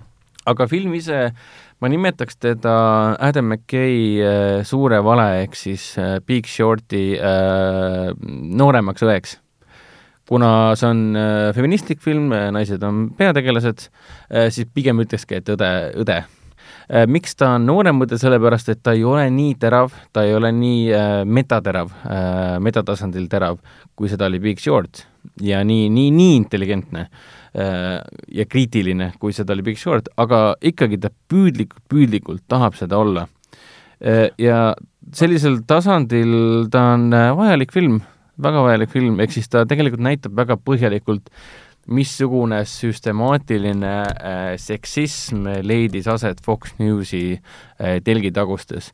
et ainult, ainult Roger, mis seal, Ailes või? jah Arnold Rosenthal ei ole, äh, ta, tema on lihtsalt nägu, kes pannakse plakatile, keda süüdistada. mis tegelikult seal taga aset leiab, äh, film justkui püüab seda äh, näidata päris põhjalikult, kuidas igapäevaselt naised elavad ja töötavad Fox Newsi seinte vahel. ja see on päris hirmus. sest asi polnud ju Ailesis, asi oli kogu Foxi korporatsioonis ja selles, kuidas nad suhtusid probleemi eilse eemaldati see on sellepärast, et äh, põhimõtteliselt keegi sellest probleemist enam ei räägiks.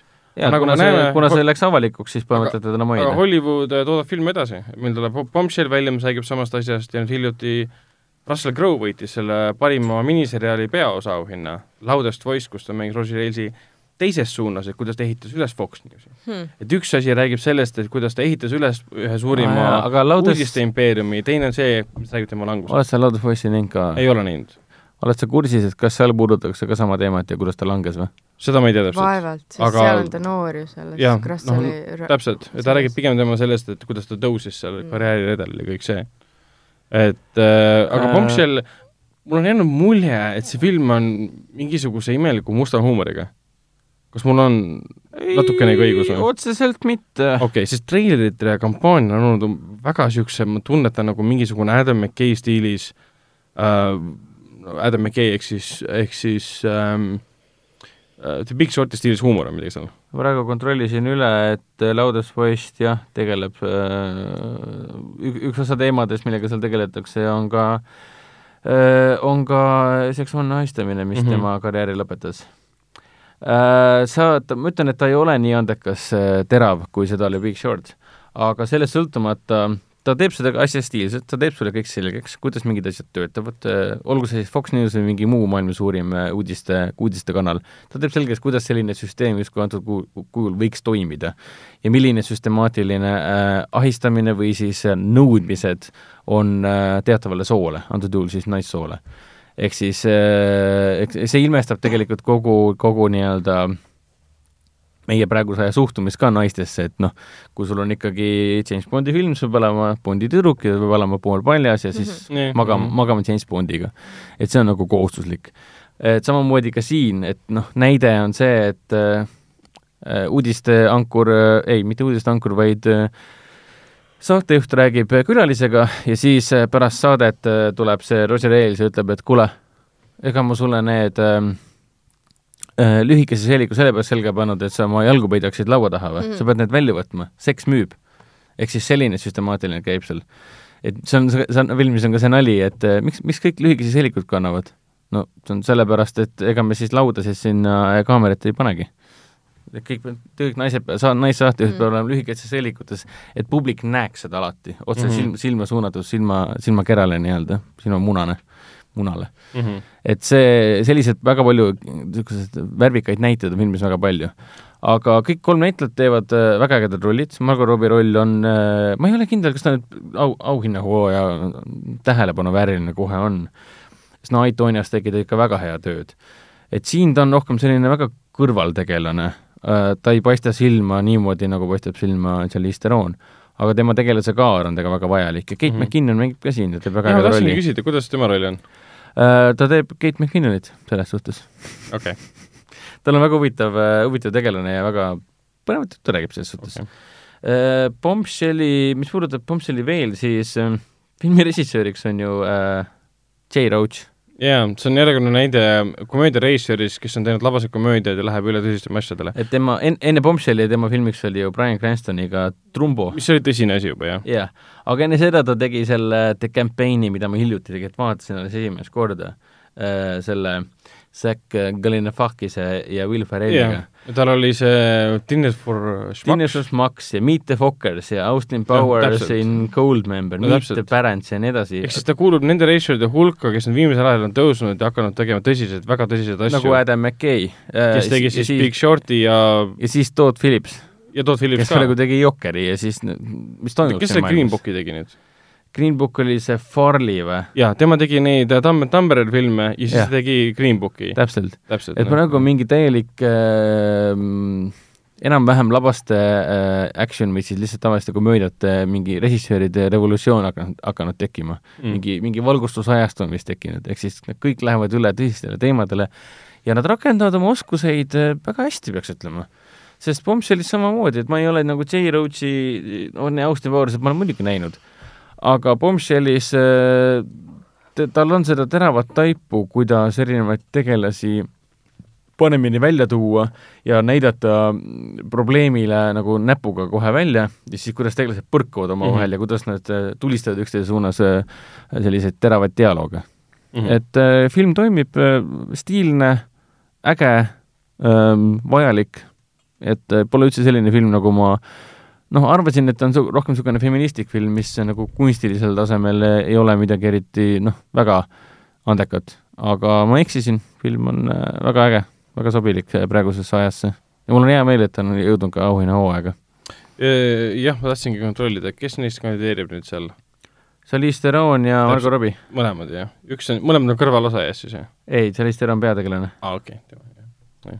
tükk aega mõtlesin, kes nendest kolmest üldse peategelane on ei, see on Eesti Roon ikka okay., see, kuna kõik eh, põhimõtteliselt põhineb ikkagi Megan Kelly kogemustel mm. -hmm.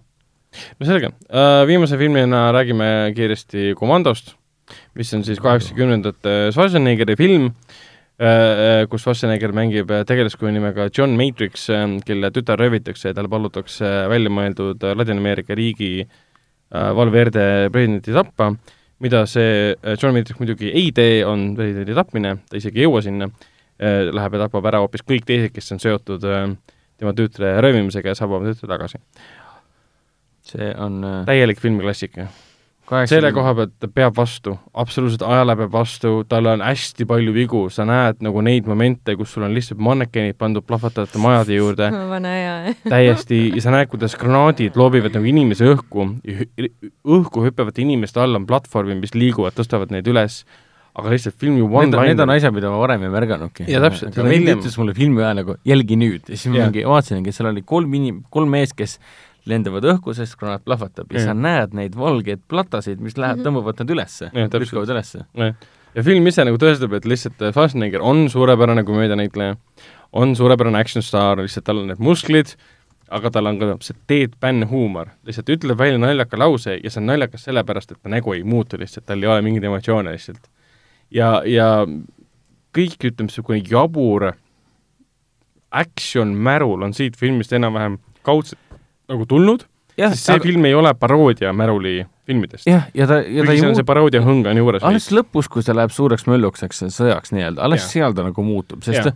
seal muutub asi nagu absurdseks, kui siis sul on mingi viisteist meest, kes kõik tulistavad komandot, ehk siis Arnold Schwarzeneggerit, ja siis Schwarzenegger on mingi suure lillepõõsa taga ja siis tulistab neid. ja sa reaalselt näed, kuidas need kuulid äh, nagu lendavadki reaalselt sinna lillepõõsasse, siis sa vaatad mingi ja need ro roosi otsad kukuvad maha ja sa, kogu aeg need reaction shot'id, kus Schwarzenegger tulistab kaks minutit ja siis inimesed kukuvad katustelt, saavad pihta igalt poolt, kukuvad, kukuvad, keegi kunagi talle pihta ei saa. ja nagu oleks kuulikindel lihtsalt. No. ja maja, mis õhku lendavad, sa vaatad, ilmselgelt on papist tehtud. aga enne seda väga stiilipuhas film mm..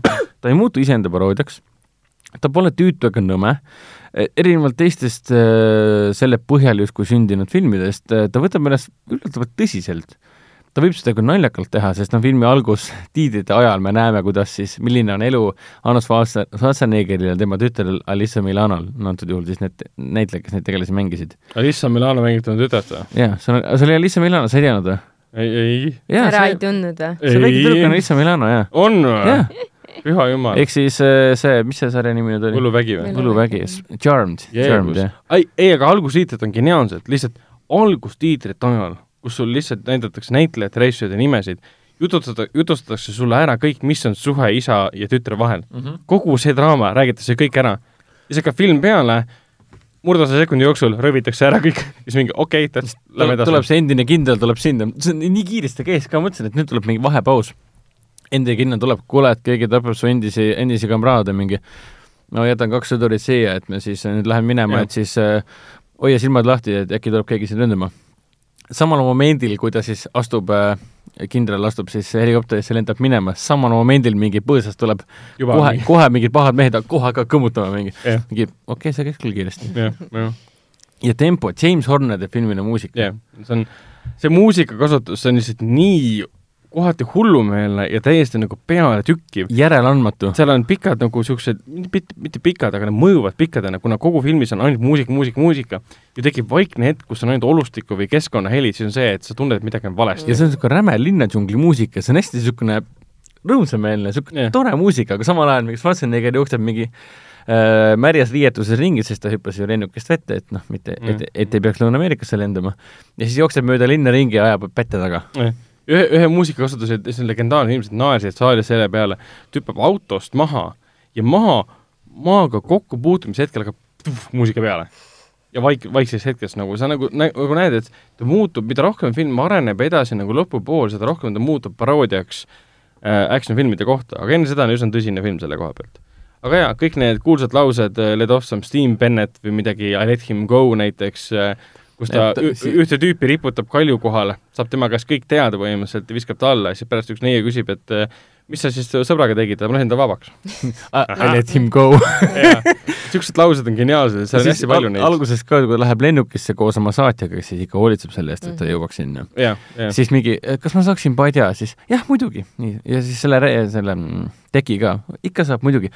Schwarzenegger on hästi asjalik, paneb kõik padja endale valmis ja ühel hetkel siis mingi lööb täiega selle valvuri endale oimetuks kaela kahe korra, jätab ta sinna magama, paneb padja talle sinna, siis paneb mütsi pähe, siis paneb selle teki ka, läheb ise minema. ei, siis ta ütleb teenindajale ka, et excuse me, don't, don't bother my friend, he is dead tired kogu aeg on film täis sellised lau-, selliseid lauseid, napakaid lauseid. sellest ei saa nagu mööda, sest et sihilikult naljakalt tehtud, mitte kõik one-linerid ei tööta, kohati on umbes niimoodi, et mis see nüüd oli. aga kohati jälle töötab, jah, et see on niisuguseid lahedaid momente täis. et puhas, puhas kaheksakümnendate mm. film ja mm., ja filmi produtsendiks oli siis äh, Joel Silver, äh, filmi stsenaristiks oli Steven Ed Sousa. Sousa on, Sousa on siis... sama mees, kes kirjutas ka Die Hardi, Joel Silver on see mees, kes tootis pärast seda Commandot tootis Lethal Weaponid ja nii edasi. ehk siis äh, lege-, legendaarsed tüübid, kes polnud veel tegelikult legendaarsed mm., tegid selle filmi valmis ja siis võib öelda küll, nende loomingulised mahlad läksid täiesti aktiivseks nii-öelda, täiesti, täiesti keema pärast seda filmi mm et tänu nendele kahele me olemegi nautinud kogu ja. oma noore elu. ja kinos, kinos seda üle mingi kahekümne aasta esimest korda vaadata vist, ma, ma, ma arvan, et ma olin üheksa või kümme, kui ma nägin seda kodus kuskil, uuesti võib-olla Jupiterit näinud, on hämmastav, sest publik naerab iga lause peale, mida keegi ütleb. ja iga päris palju plaksutamist oli ka. plaksutamiskohta oli ka, jah. see on, selles mõttes on näha, et inimesed reageerivad õigesti, et inimesed saavad filmist õigesti aru, mis see endast kujutab. vot, kuule, aga siis me oleme filmidega lõpuni jõudnud äh,, räägime mõnest üksikust uudisest ka, et meil siin vahepeal kuulutati Oscari animatsioonid välja, Tõde ja õigus kahjuks äh, rahvusvahelise filmi kategooriasse edasi ei pääsenud, aga küll pääses edasi meie lemmik Yon Ho Bongi siis äh, Parasiit. äh,, mis kandideerib üldse, Junho Bongi, mis kandideerib kokku üldse kuuele Oscarile, sealhulgas siis ka rahvusvaheline film, mida ma juba mainisin. ja kui tekib küsimus, siis ka parim kus, ja kui tekib küsimus, kus Parasiiti praegu Eesti kinodes näha, siis kahekümne esimesel äh, jaanuaril näeb seda ka Coca-Cola Plazas. ja tõenäoliselt ka alates kahekümne neljandast saab seda üksikutel äh, päevadel näha. sest tegemist on Oscari filmiga ja, ja ajaloo teinud filmi, et siis tuleb, tuleb minna ja vaadata uuesti. mina lähen kindlasti uuesti vaatama, sest mm -hmm. ma tahaks seda uuesti nautida. kindlasti ma olen täiesti nõus, ma küll ei pannud seda oma aasta lemmikumaks filmiks. mul oli ta ikkagi topis sees. topi, mul oli ka mul topis sees. oli ka, aga ma ei mäleta enam, mis koha peal mm. -hmm. aga nüüd ma veits kahetsen, et ma seda ikkagi esimeseks ei pannud, sest ta on ikka nii hea film mis sul oli esimene, täiesti? Ass, kui ma ei eksi. aa, jaa, muidugi. kusjuures Ass ei saanud mitte ühtegi Oscari nommi. jaa, paljud eeldasid, et Lupita, Lupita saab siiski. miks Lupitale vähemalt midagi ei antud? jah, sest ta, ta oli ju see see on see, et Jordan Peele sai oma muga, selle stsenaariumi Oscari juba kätte selle, selle, selle jaa, jaa, et ta juba oli äge ära järgmise, järgmise filmiga, mitte nii, et kaks aastat kes seda teab, võib-olla mingi kümme, kümme aastat läheb mööda ja siis ta saab veel. noh, jah, eks ole näha aga põhilised võib-olla võitjad äh, on siis Jokker, kellel on äh, üksteist Oscari nominatsiooni, mis on sama palju nominatsioone näiteks, mis oli esialgu siis Sõrmutesand kolmandal filmil, mis võitis need kõik. ja, ja paljudel filmidel on veel olnud, aga üksteist Oscari nominatsiooni, kas teile tundub ka, et veits ülehinnatud tunne Jokkeri puhul? Minu arust seda on haibitud kogu aeg, nii et ma üldse ei imesta. ma peaks nüüd vaatama, mis ja. neist kõik olid aga no, seal oli parim film, parim režissöör, parim äh, meespeaosa. no, no jah, need, jah, jah, need on jah, on ju. ja siin oli stsenaariumist oli ka ja tehnilised kategooriad. sellega ma ei oleks nõus. no ma ei tea, mulle, mulle ei ole vahepeal see film väga meeldima hakanud, nii et äh, loomulikult töö on väga hea, no operaatorid on ka kostüümikunstnik. kostüümid ka olid head. loomulikult valikud tundub olevat. pigem parim krimm, parim filmimuusika, jah, jah. pigem on veits nagu üllatav see, et kui leigelt nagu tegelikult kriitikud filmi vastu võtsid ja kui palju see nagu vastukoja tekitas, et oli nagu kartus, et Filmiakadeemia liikmed ka samamoodi suhtuvad, et see on selline mõttetult vägivaldne depressiivne film. tundub, et see oli asjatu kartus. ei tea. ja nüüd on ta nii kaugele jõudnud. jah, Irishman mida me oleme kõik näinud, äh, kogus kümme nominatsiooni. miks? no sest Joe Pesci ja Al Pacino mõlemad said. aga kõrvalosa siis äh, okay. ja see ongi siis vii-, viis inimest, kõrvalosa on Joe Pesci, Al Pacino, Brad Pitt, see on kolm hmm., kaks on puudu, ma ei praegu ei mäleta, kes seal veel olid. et see on, Irishman niikuinii ei saa, ma arvan, et kas Brad Pitt saab äkki äh,. Äh, Pesci ma loodan küll, et võiks saada. kuigi, kuigi ma ei saa aru, miks sellele äh, talle anti minu meelest stsenaarium ka või? ei olnud või? parim mugandada stsenaarium, Irishman. kas tõesti midagi muud ei olnud või? selles mõttes, et stsenaarium kindlasti oleks olnud. see on väga Scorsese stsenaarium, aga parim? aga Little Women sai, kas Little Women sai mugandatud stsenaarium okay., jah. okei okay,, tuhat üheksateist, tuhat üheksasada seitseteist sai kümme nominatsiooni Äh, ükskord Hollywoodis Tarantino uus film sai kümme nominatsiooni. jah, see sai isegi parima stsenaariumi nominatsiooni, mis on umbes niisugune tunne nagu, kus mu palm on, ma tahan oma nägu sinna sisse lüüa. kusjuures nagu mul tagantjärgi, ma olen kaks korda filmi näinud ja mulle siiamaani ta ei meeldi väga. aga tagantjärgi ma olen nagu hakanud Mõist lugema ka. teiste inimeste arvustusi, mingeid analüüse, kus ühelt poolt on tekkinud mingi uus arusaam filmist, et ma ei suuda seda filmi näha või vaadata nii, nagu mõni teine seda vaatab või näha neid tas-, tasandeid seal, mida teised võib-olla näevad.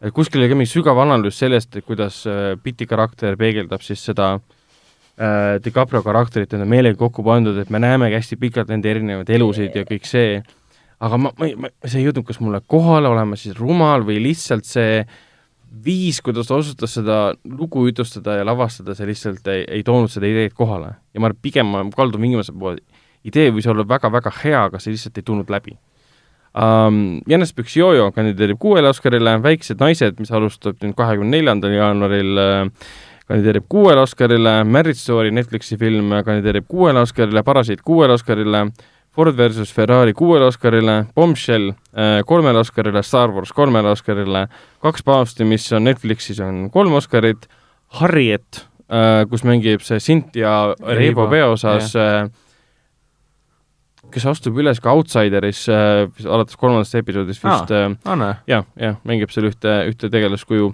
äh,. tähendab, Iris Harrikani kahele. Honeyland, minu arust äh, jah, jah, Honeyland ehk siis Meie maa tegi rekordi, mitte ükski film pole varasemalt saanud nii võõrkeelse ehk rahvusvahelise filmi Oscarit kui ka parima dokumentaalfilmi Oscarit. ah jaa, jah, see oli see mingi kahtlane värk. jah. Mm. oota, mis sa praegu ütlesid, kui mitu? kaks üks, üks ja sama film pole aa, saanud okay, nii dokumentaali kui ka võõrkeelset. kogu aeg, et seesamune parim võõrkeelne ja parim film. jah, jah, jah, jah.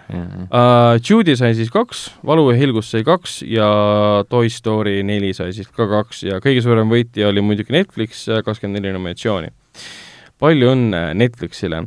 ja üks rekord oli vist veel, et Johanson kandideerib äh, kahes kategoorias. Äh, ta on parim siis äh, naiskõrvalosa Jänespüksi jojo eest ja, ja parim äh, naispeaosa Mary Story eest, jah. ja see on, ta kuulub siis üheteistkümne näitleja hulka, kes on üldse Oscarite karjääri jooksul niimoodi kandideerinud, mis on päris korralik um,. Tõeõiguse suhtes uh, nüüd kõik Ivo Felt ja kõik meediakanalid räägivad sellest, et uh, mida me siis ootasime uh,, et film ei linastunud ei Veneetsias, ei Cannes'is ega Berliinis ühelgi olulisel festivalil, miks ma arvasin, et ta suudab võistelda nende filmidega, mis sinna lõpuks jõudsid äh,, Parasiit, Hüljatud äh,, Valu ja hiilgus, Meie maa, jah. ma tahaks äh, natuke kommenteerida seda teemat no,, aga palun, aga palun. sest äh, ma arvan, et siin on nagu kuidagi on äh, kellegi ego pihta vist mingi asi läinud või midagi, et nagu jäetakse tahaplaanile see, et film, mis ei ole kuskil linastunud, Äh, on järsku kümne parima, maailma parima filmi seas aastal kaks tuhat üheksateist nagu fucking hell, mida te tahate. see on suurepärane tulemus. et äh, jaa, see on täiesti haige, kuidas nad jõud- nagu,. täpselt, mis, mis kuradi valem see oli, kuidas see nagu tehtud sai. mütsid maha Ivo Feldi allfilmi ees, et sa jõudsid sellisel kujul, sa jõudsid nii kaugele, see on lihtsalt hämmastav. no tegelikult küll, sest no olgem ausad, no siin on kindlasti asi ka poliitiline, sest no Prantsusmaa juba on nii suur mm. filmi ajaloolises mõttes ja üldse, et noh, et see, see, see film, see Les Mis minu arust on liiga crap, nagu see, see ei ole isegi võrdväärne natukene Tõe ja õigusega, et mis iganes, kaameratöö, näitlejatöö, stsenaarium äh,, kunstnikutöö, no see Les Mis oli täielik nagu mingi kolm võib-olla, kui mm. Tõde ja õigus oli ikkagi kõik no seal mingi üheksa-kümne kandis, kümne kalli süsteemis, on ju. et, et kõik niisugused asjad, aga no see on paratamatu, et me ei saa never Lõuna-Korea vastu, me ei saa Prantsusmaa vastu, ma ei tea, mis asi see Honeyland on, on ju, et see on Põhja-Makedoonia nullieelarvega dokumentaal, dokumentaalfilm äh, Põhja-Makedoonias olevast külast. kus on kõik pekkis, jah? ei, kus, ei, ei, see on hästi ei ilus äh, ah,, okay. fantastilise operaatori tööga mm, -hmm. hästi soe film äh, mee korjajatest. okei okay.. on kõik ja no vot ongi see mee ja mesilaste teema on hästi tundlik nagu maailmas ka minu arust, et kui mesilasi ei ole, siis on pekkis, onju. aga ikkagi, me jõudsime, sul on õigus, kümne hulka me jõudsime. see, see, see on, see on ebareaalne lihtsalt, kui Tanel Toom astuks sisse ükskõik mihus, mihukesest stuudiost praegu Hollywoodis, ütleb, et tere, minu film on kümne parima seas, äh, andke mulle tööd mm., siis, siis tal on nagu tuhat mm. pakkumist reaalselt. ta oli kümne nagu... hulgas, kus valiti välja viis. ja, ja mis see esialgne üldse summa oli? üheksakümmend kolm oli kokku vist. okei okay ja nendest no. saada kümne hulka top kümme, issand jumal. jaa, aga neid eh, saatjaid ja neid oli, ja neid oli rohkem, jah. kümneid tuhandeid ju. Nende hulgast valiti jah, siis konkreetselt üheksakümmend kolm välja, mis edasi liikusid aga üldse. saatjaid, saatjaid üle maailma, isegi mingi suva näss saadab oma filmi kas või mm. igaks juhuks või siis mingid suuremad tegijad saadavad samamoodi igaks juhuks, on ju. et et, et, et see, see, et, et see film nagu ikkagi on kümne seas, see on nagu tegelikult mega. ja see, no. ja see, et siin meedias räägitakse, meestel puudu jäi, fuck, midagi ei jäänud puudu. väga võimas saavutus. see on, see on nagu Eurovisiooniga, et kui see ei saa nagu esikolmikusse või esimest kohta, siis järgmine päev kirjutatakse meedias äh, täielik krahh, mis juhtus? midagi ei juhtunud saatuslik viga, hüüumärk, küsimärk, hüüumärk, küsimärk. hääl värises, kleidi äär oli kortsus, kas sellepärast me kaotasime? mis siis, mis siis jälle juhtus? ja nüüd, kogu aeg mingi nutt ja hala käib. nüüd eh, Helen mainis, et eh, kuna Tanel Toom sai oma filmiga nagu kümne hulka mm, -hmm. et siis ta võiks astuda ükskõik mis stuudio yeah. uksest sisse ja sellega uhkustada. tegelikult sul on õigus, sest no, nii. Variety, mis on tegelikult väga, väga, väga, väga vana filmiajakiri mm, -hmm Äh, neil on portaal ka muidugi, nemad panid üles oma siis iga-aastase listi, mis tuleb üles siis nimekirja, kasutan mingi eesti keelt, mis tuleb siis välja pärast eesti keel on ilus keel äh,. auhinnagalasid, see on siis Variety see Ten Europeans to watch mm -hmm. ehk siis kümne, kümme Euroopa režissööri, keda jälgida pärast auhinna äh, sellist äh, suurt rallit. ja nende hulgas, need on siis nagu kümme tõusvat talenti mm -hmm. üle kogu Euroopa ja nende hulgas on nende sõnul ka Tanel Toom. no muidugi on, issand jumal, kuidas ta siis ei oleks oh, kas me võime nüüd koju minna me oleme Tanel Toomist ära rääkinud, aitab küll. Uh, Oscarid saime kaetud enam, enam-vähem. millal me nüüd siis näeme Oscarit galat? kümnes äh, veebruaris on siis üheksas, tähendab see siis öö vastu kümnendat. see on mingi tavaliselt ta on mingi kahekümne neljanda kanti olnud ju ah,. ei, nüüd ta on, äh, tõsteti varasemaks ah,. Okay, okay. ta oli juba, üle-eelmine aasta oli ka varasem. kuidas? Mingi kindel põhjus ka või? Äh, lihtsalt tahtsid broadcast'i varasemaks teha, ma ei, ma ei tea, ma ei mäleta, mis seal täpselt põhjus kellaaeg oli vist jälle mingi jumalast hüljatud ajal. üks kolmkümmend hakkab punane vaip ja kell kolm siis alustavad. see on jaa, hästi, Eesti mõistes on väga Pühap... raske, ma pole ammu vaadanud. pühapäeva õhtul pole mõtet magama minna, et ei, ma olen ikka iga aasta nüüd ju läinud mingi kell kuus magama, et siis Mõnda. kell kaks är ärgata ja siis vaadata, aga tõesti samal päeval on tööpäev ka ju, see on ju mm, -hmm. see on see, et miks te, miks te, miks te teete mingi gala nagu pühapäeva yeah. nagu, okei okay, nagu.... ja nominatsioonid kuulutavad enda aja järgi viis hommikul. ah, sellega saavad hakkama, eks ole, onju. E, eks meie aja järgi mingi kolm päeva. jah, mis on okei okay.. miks mitte laupäeva õhtu või ja. pühapäeva vara? reedel. nagu, miks nagu? Hollywoodi staaridel on ükskõik, nad ei lähe hommikul tööle. jood nusud täis ja lähed pahmakad välja magama, mis sa tahad vot äh,, räägime natukene kurbest, kurbadest uudistest ka, nimelt ähm, John Roland Reuel Tolkieni ehk siis J.R.R. Tolkieni ehk siis Sõrmud teisenda maailma looja poeg suri. Äh, ta oi, oli, sündis tuhat üheksasada kakskümmend neli ja tema ta oli mingi muldvana ka nagu ja, selles suhtes, et noh. muidugi, ta oli üheksakümne viie aastane. ja aga noh, tema suurim teene oli see, et ta oli ise ka kirjanik muidugi, nii nagu tema isa oli ja ta oli üks mitmest lapsed, kes Tolkienil oli, aga tema suurim teene oli see, et ta jätkas äh, Tolkieni lugude toimetamistega kokkupanekuga. ja näiteks, kui Tolkien tahtis enne oma surma välja anda Silmarillioni, mis rääkis keskmaa ajaloost, siis tuli tema poeg, hakkas selle teksti kõik kokku toimetama, vaatas ise materjali läbi ja lasi selle välja ja viimane ilmus kaks tuhat ähm, kaheksateist Gondolini langus.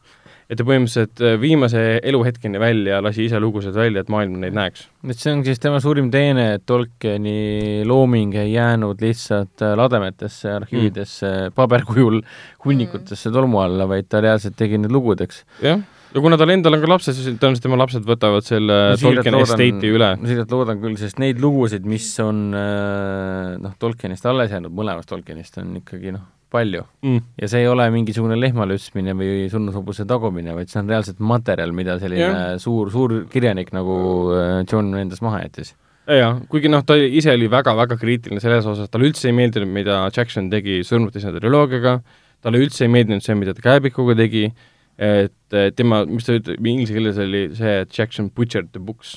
et aga, aga see on lihtsalt, talle ei meeldinud ekraniseering. kas see oli kommentaar siis ainult Kääbiku pihta ei, see oli Surmati sõna kohta ka et ta pole nüüd mitte meile, mitte meelega rahul, ta on nagu äle muur, kes vihkab Plus, kõike. blasfeemus ütleks. aga ei, tal on õigus seda öelda, sest tema on, ta on kirjanik, ta hindas kirjandust ja see, kuidas filmi kujul teksti ümber ekraniseeritakse, tihtipeale see kaotab jah, selle kirjandusliku väärtuse äh, on ka erandeid ja ne-, aga noh, mitte alati.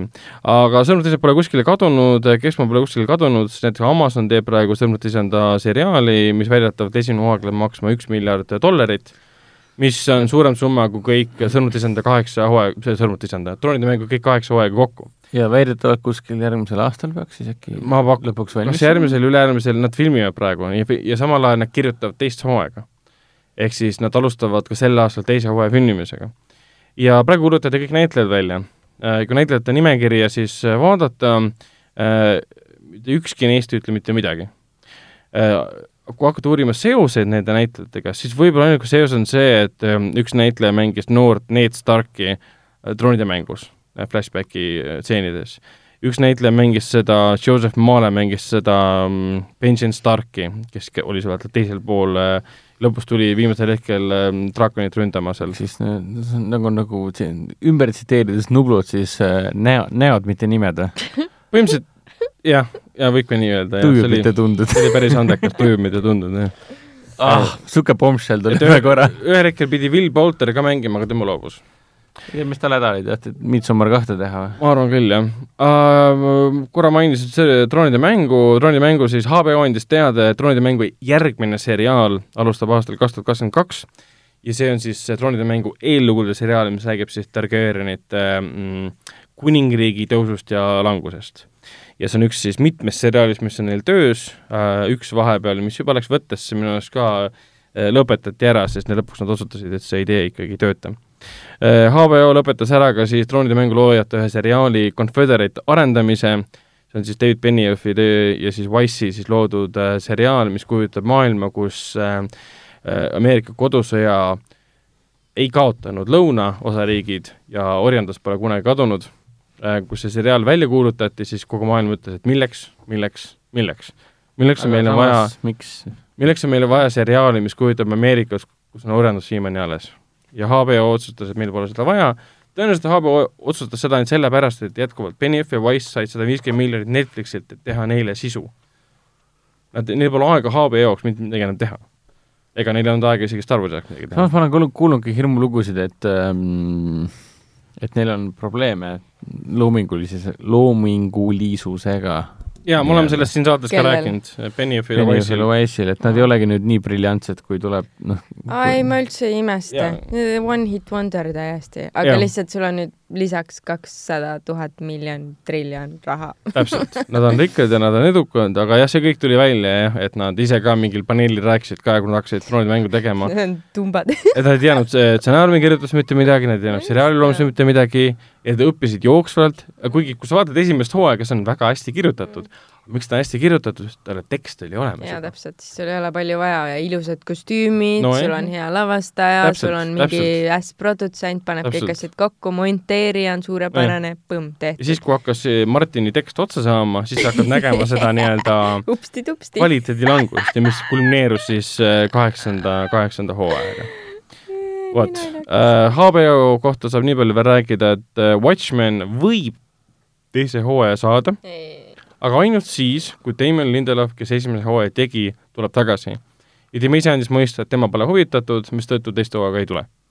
niipea, kui ta on huvitatud, siis tehakse. sest HBO on väga-väga rahul, mida Lindelof sellega tegi, mhm. mina teist hooaega ei taha, puhtalt sellepärast, et see on üks, üks lugu, mis töötas ühe loona. tal midagi ei jäänud pooleli, midagi ei jäänud katki, ei olnud mingi lõpus umbes niimoodi, et oh, cliffhanger, lähme nüüd edasi, ootame midagi, seda ei olnud äh,. Räägime James Bondist mm. -mm ja räägime sellest, et järgmise James Bondi siis äh, Ei, kohustusliku, kohustusliku avalaulu äh, laulab sisse Billie Eilish. kas te teate, kes on Billie Eilish? mina tean seda, et tean mingi ka. alakate depressioonimuusika lipulaev äh,. jaa, põhimõtteliselt küll. ei ei taha niisugust laulu mina kuulda. ei, ei nagu selles mõttes ta, ta, ta ei saa laulda alagate depressiooni laulu Bondi, Bondi filmiks. ta saab seda laulda enda stiilis, aga ainult see on umbes äh, nii. jaa, umbes nii.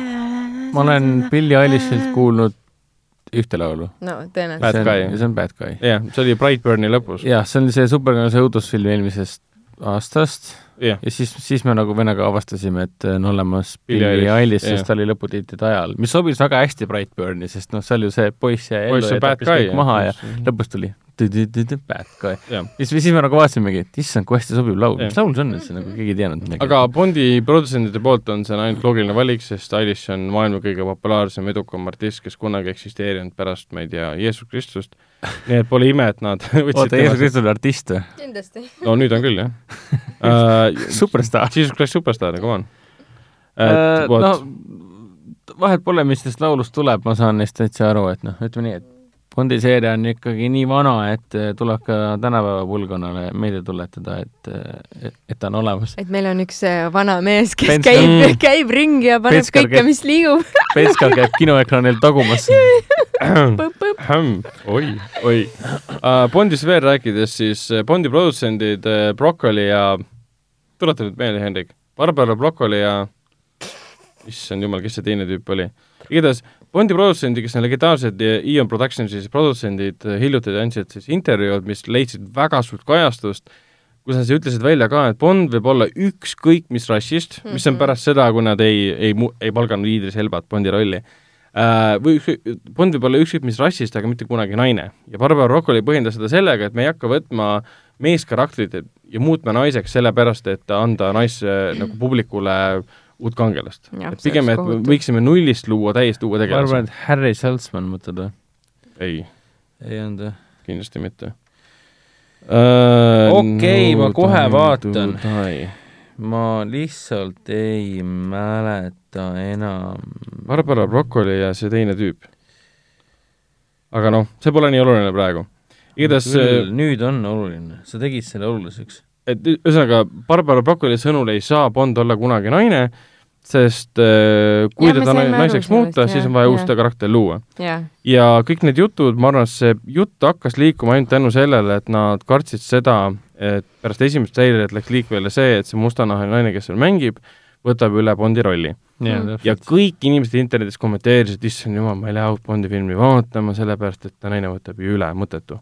ja siis nüüd on, äh, põhimõtteliselt teevad seda, see on counter action'id põhimõtteliselt, et kõik mm. saaksid teada, et me ei kavatse seda kunagi teha. jaa, no ma ei tea, minu poolest olgu kuss nagu, ei ole vaja nagu seletada. jah, sest see põhineb ju raamatul, mis, raamatute seerial, mis mm. on olemas, no miks no, mingid nagu? asjad on nagu ilmselge, ma olen ka nõus sellega, pole vaja vahetada okay..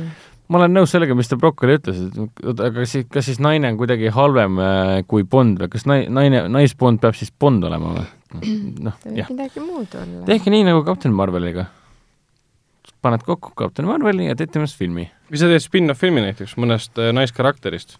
jah, nagu, nagu Black, näiteks, Black video äh, tuleb praegu välja Marvelist, et noh. täpselt, aga Bondi produtsendid tahtsid tegelikult teha äh, Die Another Day ilmumise järel äh, Halle Berry karakterist äh, Jinx äh, kaheksakümne miljoni dollariga siis äh, spin-off filmi. aga, aga MGM loobus sellest, et see liiga kallis ja teha Bondi filmi spin-off, mm. ennekuulmatu Äh, aga nüüd, kui nad otsustavad, et mõnest naiskarakterist teha seal spin-off film, ma arvan, et see töötaks küll, sest maailm on spin-off filme täis. et ma ei näe, miks see ei ole neil äh, võimalik äh,. Räägime, räägime natukene Dark Towerist ehk siis äh, tumedast äh, tornist ja sellest, et see film oli kohutavalt halb, mis kunagi tuli paar aastat tagasi kinodesse ja, ja siis räägiti, et hakkame tegema siis, Amazon hakkab tegema siis seriaali ja nüüd Amazon andis teada, et seriaali kunagi ei tule ja siis seriaali loojad põhimõtteliselt äh, viivad selle nüüd äh, teistele platvormidele, kes tunnevad selle vastu huvi. ma loodan, et HBO korjab üles koos Teimur Lindelofiga ja teevad sellest seriaali, on kõik noh. probleem lahendatud. et noh, ma arvan, et Netflix või, või HBO, King on, tunneb ennast kodus nii Netflix kui ka HBO-s. ei, mul on, mul on hea meel, et see, ütleme nii, et tänu sellele filmile, mis nagu täielikult matis selle juba eoses maha selle äh, frantsiisi, mis oleks võinud alguse saada, siis mul on hea meel, et see nende inimeste kätes enam ei ole. nojah, et lõpuks, mis selle filmi mõte siis oli, see film oli justkui nagu proof of concept film, et me saame teha seitsme raamatu põhjal ühe filmi, mis räägib kõigest ja samal ajal mitte millestki. ja see on see, kas teile raha ei meeldi või? palju neid raamatuid kokku oli, seitse või? tegelikult kaheksa, üks tuli see mm, lisaosa, see, mis leidis kahe osa raamatu, kahe raamatu vahel aset ka. ongi, kas teile ei meeldi äh, raha või? et kaheksa filmi, see on ju sama palju kui Harry Potterit, et milles probleem on? aga noh, seriaalina ma ennust-, noh, mitme, kaheksa hooaega näiteks seriaal või seitse hooaega seriaal töötaks ta palju paremini, et äh, aitab küll neist filmidest, et ähm, fantaasiaseriaalid, nagu me näeme ju, töötavad palju paremini nii, aga on sul, on sul äh, räägime, räägime korraks äh, Star trackist ja sellest, et see ammu on räägitud, et Quentin Tarantino hakkab lavastama järgmist Star tracki filmi, nüüd ta muidugi räägib, et äh, ta ei arva, et ta seda tegema hakkab. see oli siis see Star tracki film, mida siis Quentin Tarantino kirjutas R-rated stsenaariumi ja ütles, et tema lavastab selle filmi ainult siis, kui ta jääb R-ratinguks. ja nüüd ütleb, et tema seda ei tee, kuigi me juba teame, et järgmise Star tracki filmi lavastab ähm, issand jumal, mis see tüübi nimi oli äh,, igatahes režissöör on leitud. mul läks juba meelest ära. jah, mul läks ka juba meelest ära. Äh, ma enam-vähem tean, kes see režissöör on, aga igatahes ta kad-, kadus ammu juba meelest ära. aga Tarantino film pidi olema mingi teine projekt, mis pidi olema just eriline sellepärast, et tema teeb ja see on rated. aga no mina ei looda, ei taha ka, et nagu Tarantino mingi kümnendaks filmiks jääb Star track. tal võiks olla midagi originaalset ja huvitavat siiski.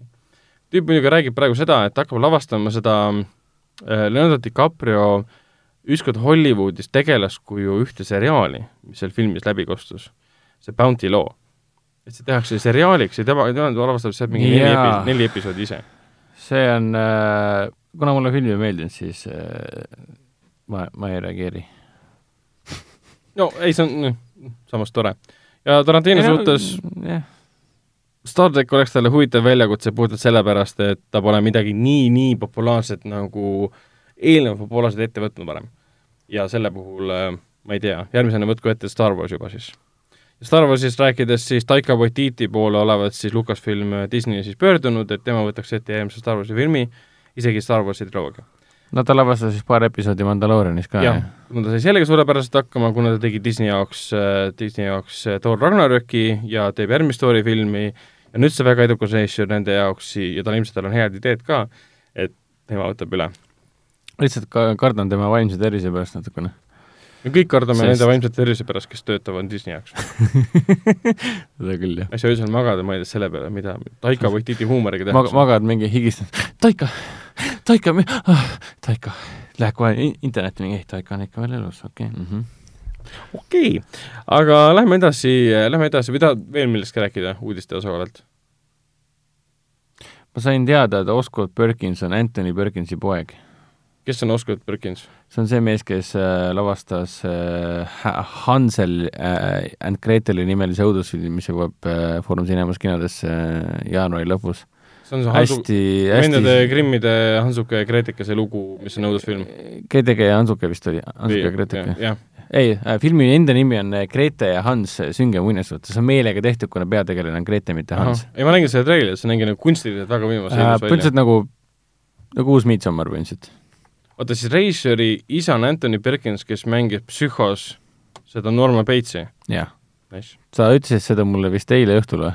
ja ma hakkasin guugeldama ja vaatasin, et mida, mida nagu ja siis sina avastasid, et äh, Anthony äh, Perkinsi naine suri nine elevenis? abikaasa oli üks, üks nendest, kes oli lennukis, mis ehk siis lendas Oscar Perkinsi van-, mõlemad vanemad on surnud? ja no üks oli vanadusse ja teine suri Anthony Perkins ei surnud vanadusse? millest see tuli siis, vähki või? Tuli HIV-ga seotud komplikatsioonidesse. aga ma kähku kontrollin, äkki ma nägin vale juttu. kurat! oota, aga siis suhe tema abikaasaga oli nagu missugune mm.? tervislik või? okei okay,, ärme lähe, ärme lähe sinna. diagnoositi Psühho nelja ajal, mis tegelikult Psühho kaks, kolm, neli on väga head filmid uh,, diagnoositi HIV ja suri üheksakümmend kaks sellega seotud, äh, AIDSiga seotud haigus äh,, pneumonia, ehk siis see noh, kostupõletik kust, kust mina tean, kust, asja? äkki naisel oli AIDS või mina ei tea, või HIV tähendab. las inimesed ikka saavad.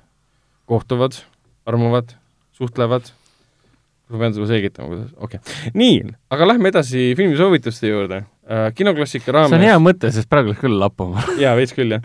kinoklassika raames linastub endiselt siin jaanuarikuus kolmapäeviti Arnold Schwarzeneggeri Komando ja, ja kaks, kaks kolmapäeva on jäänud veel. kõigest kaks kolmapäeva. Aga veebruaris me näeme mida kinoklassika raames. Äh,? see on üks jälle need trik-, triki nimi nagu Sam Mendesiga, mida ma alati valesti hääldan, et Robertiga on täpselt, täpselt sama lugu, et kui ma nüüd õieti mäletan, siis see peaks niimoodi käima, et Robert Rodriguez, mitte, ma vanasti ütlesin alati Robert, Robert Rodriguez Rodriguez. äh,, igatahes veebruari kinoklassikaks on Robert Rodriguez'i ja Frank Milleri absoluutne kultusklassika aastast kaks tuhat viis ja see on muidugi Patulinn ehk siis Sin City esilinastus viiendal veebruaril ja loomulikult Coca-Cola Plaza Iceland saalis, sest Väga kus mujal vaadata nii ülistiilset ja nii ultravägivaldset ja nii fantastiliselt ägedat filmi, nagu seda on Patulinn kuigi seal filmis vist kordagi punast verd näha polnudki, kõik see veri seal oli valge veri ei punast äkki Yellow Bastardi tapmise ajal Yellow Bastardil oli äh, kollane veri. oli jah, kuigi ta ise oli ka kollane, kuidas tal kollane veri olla hmm.? see ei ole üldse loogiline küsimus ei, Yellow Bastard oli kollane. kui tema veri voolab, see on kollane, see ei paista välja. saad mu mõttest aru? jaa. ehk siis see oli vist ikka punane. igatahes Elijah Wood mängib seal filmis jah, see on see, kui sa sõrmust liiga kaua sõrmes hoiad. vot äh,, kinodes alustas sel nädalal, alustasid sel nädalal äh, Pahad poisid kogu õnuks, mida Hendrik kiitis äh,, Doktor Dolittle, mis meeldib kindlasti viie-seitsmeaastastele, Fred Jüssi Olemise ilu, mis meeldib kõigile äh,, Fiksikud äh, krabotite vastu, mis on kõigile väikelastele, kes teavad, mis on äh,, kes ja mis on Fiksikud sest see on hästi populaarne väikelaste seas. Pisik-, Venemaal loodud seriaal, animaseriaal Fiksikutes, kes parandavad äh, masinaid. see on juba teine Fiksik, film. nagu Fix. jah, Fixis mm., jah, Fixiki mm.. Uh, igatahes siis alustab veel ka Pommudis, mis Hennikule väga meeldis ja lihtsalt jõuab kinodesse, üleüldiselt jõuab veel uh, Islandi krimifilm Valge, valge päev ja Prantsuse äh, äh, romantiline komöödia Oliver Assayas on režissöör Kaksikelu. Netflixi jõudis, me juba rääkisime sellest, Skippo and Age of Wonder Beasts, samal ajal kui videomängul Nino Jam, Kuni Jan Hämmerpoo. samal ajal kui videomängul Nino Kuni põhinev film äh,, siis jõudis ka mm, Paul Thomas Andersoni Phantom Thread. seriaal oli see? film on see ah.. Äh, siis jõuab ka Phantom Thread, mis on Paul Thomas Andersoni film äh, Äh, Anne with an E, mis on siis Roheliste vilkaduste Anne äh, kolmas hooaeg alustas ja kui me siin Sam äh, Mendesist Mendesist rääkisime hästi pekkis lihtsalt nagu ei ole, see on võimalik. ma ei saa aru, kuidas see võimalik on. Sam Mendesist Mendesist rääkisime, siis Netflixis on olemas tema American Beauty ja lisaks endiselt soovitame Witcherit vaadata.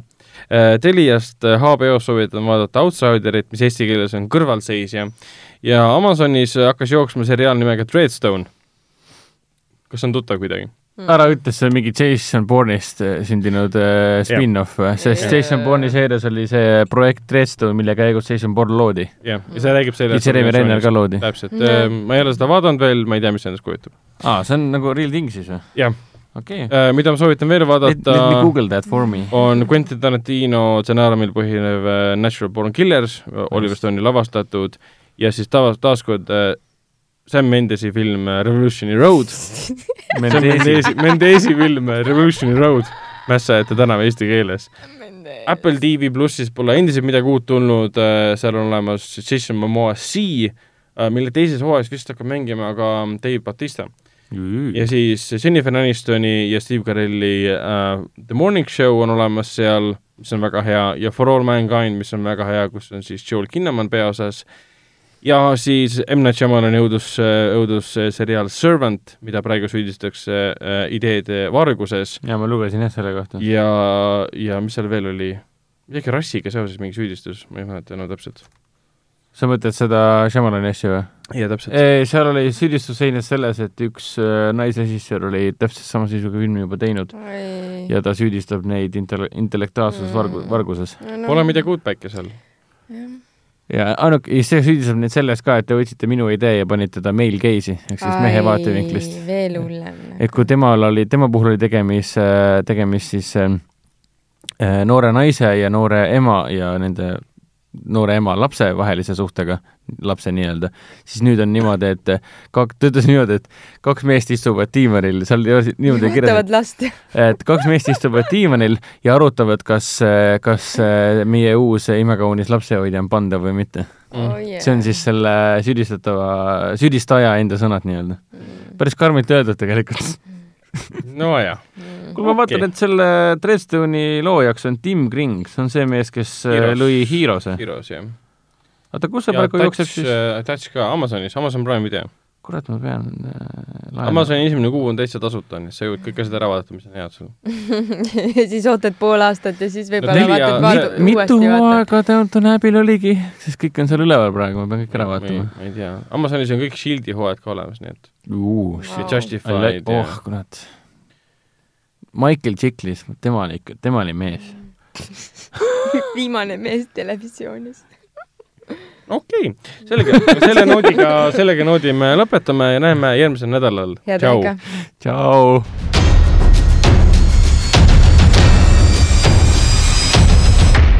kinoveebi Jututuba podcasti toob teieni Foorum Cinemas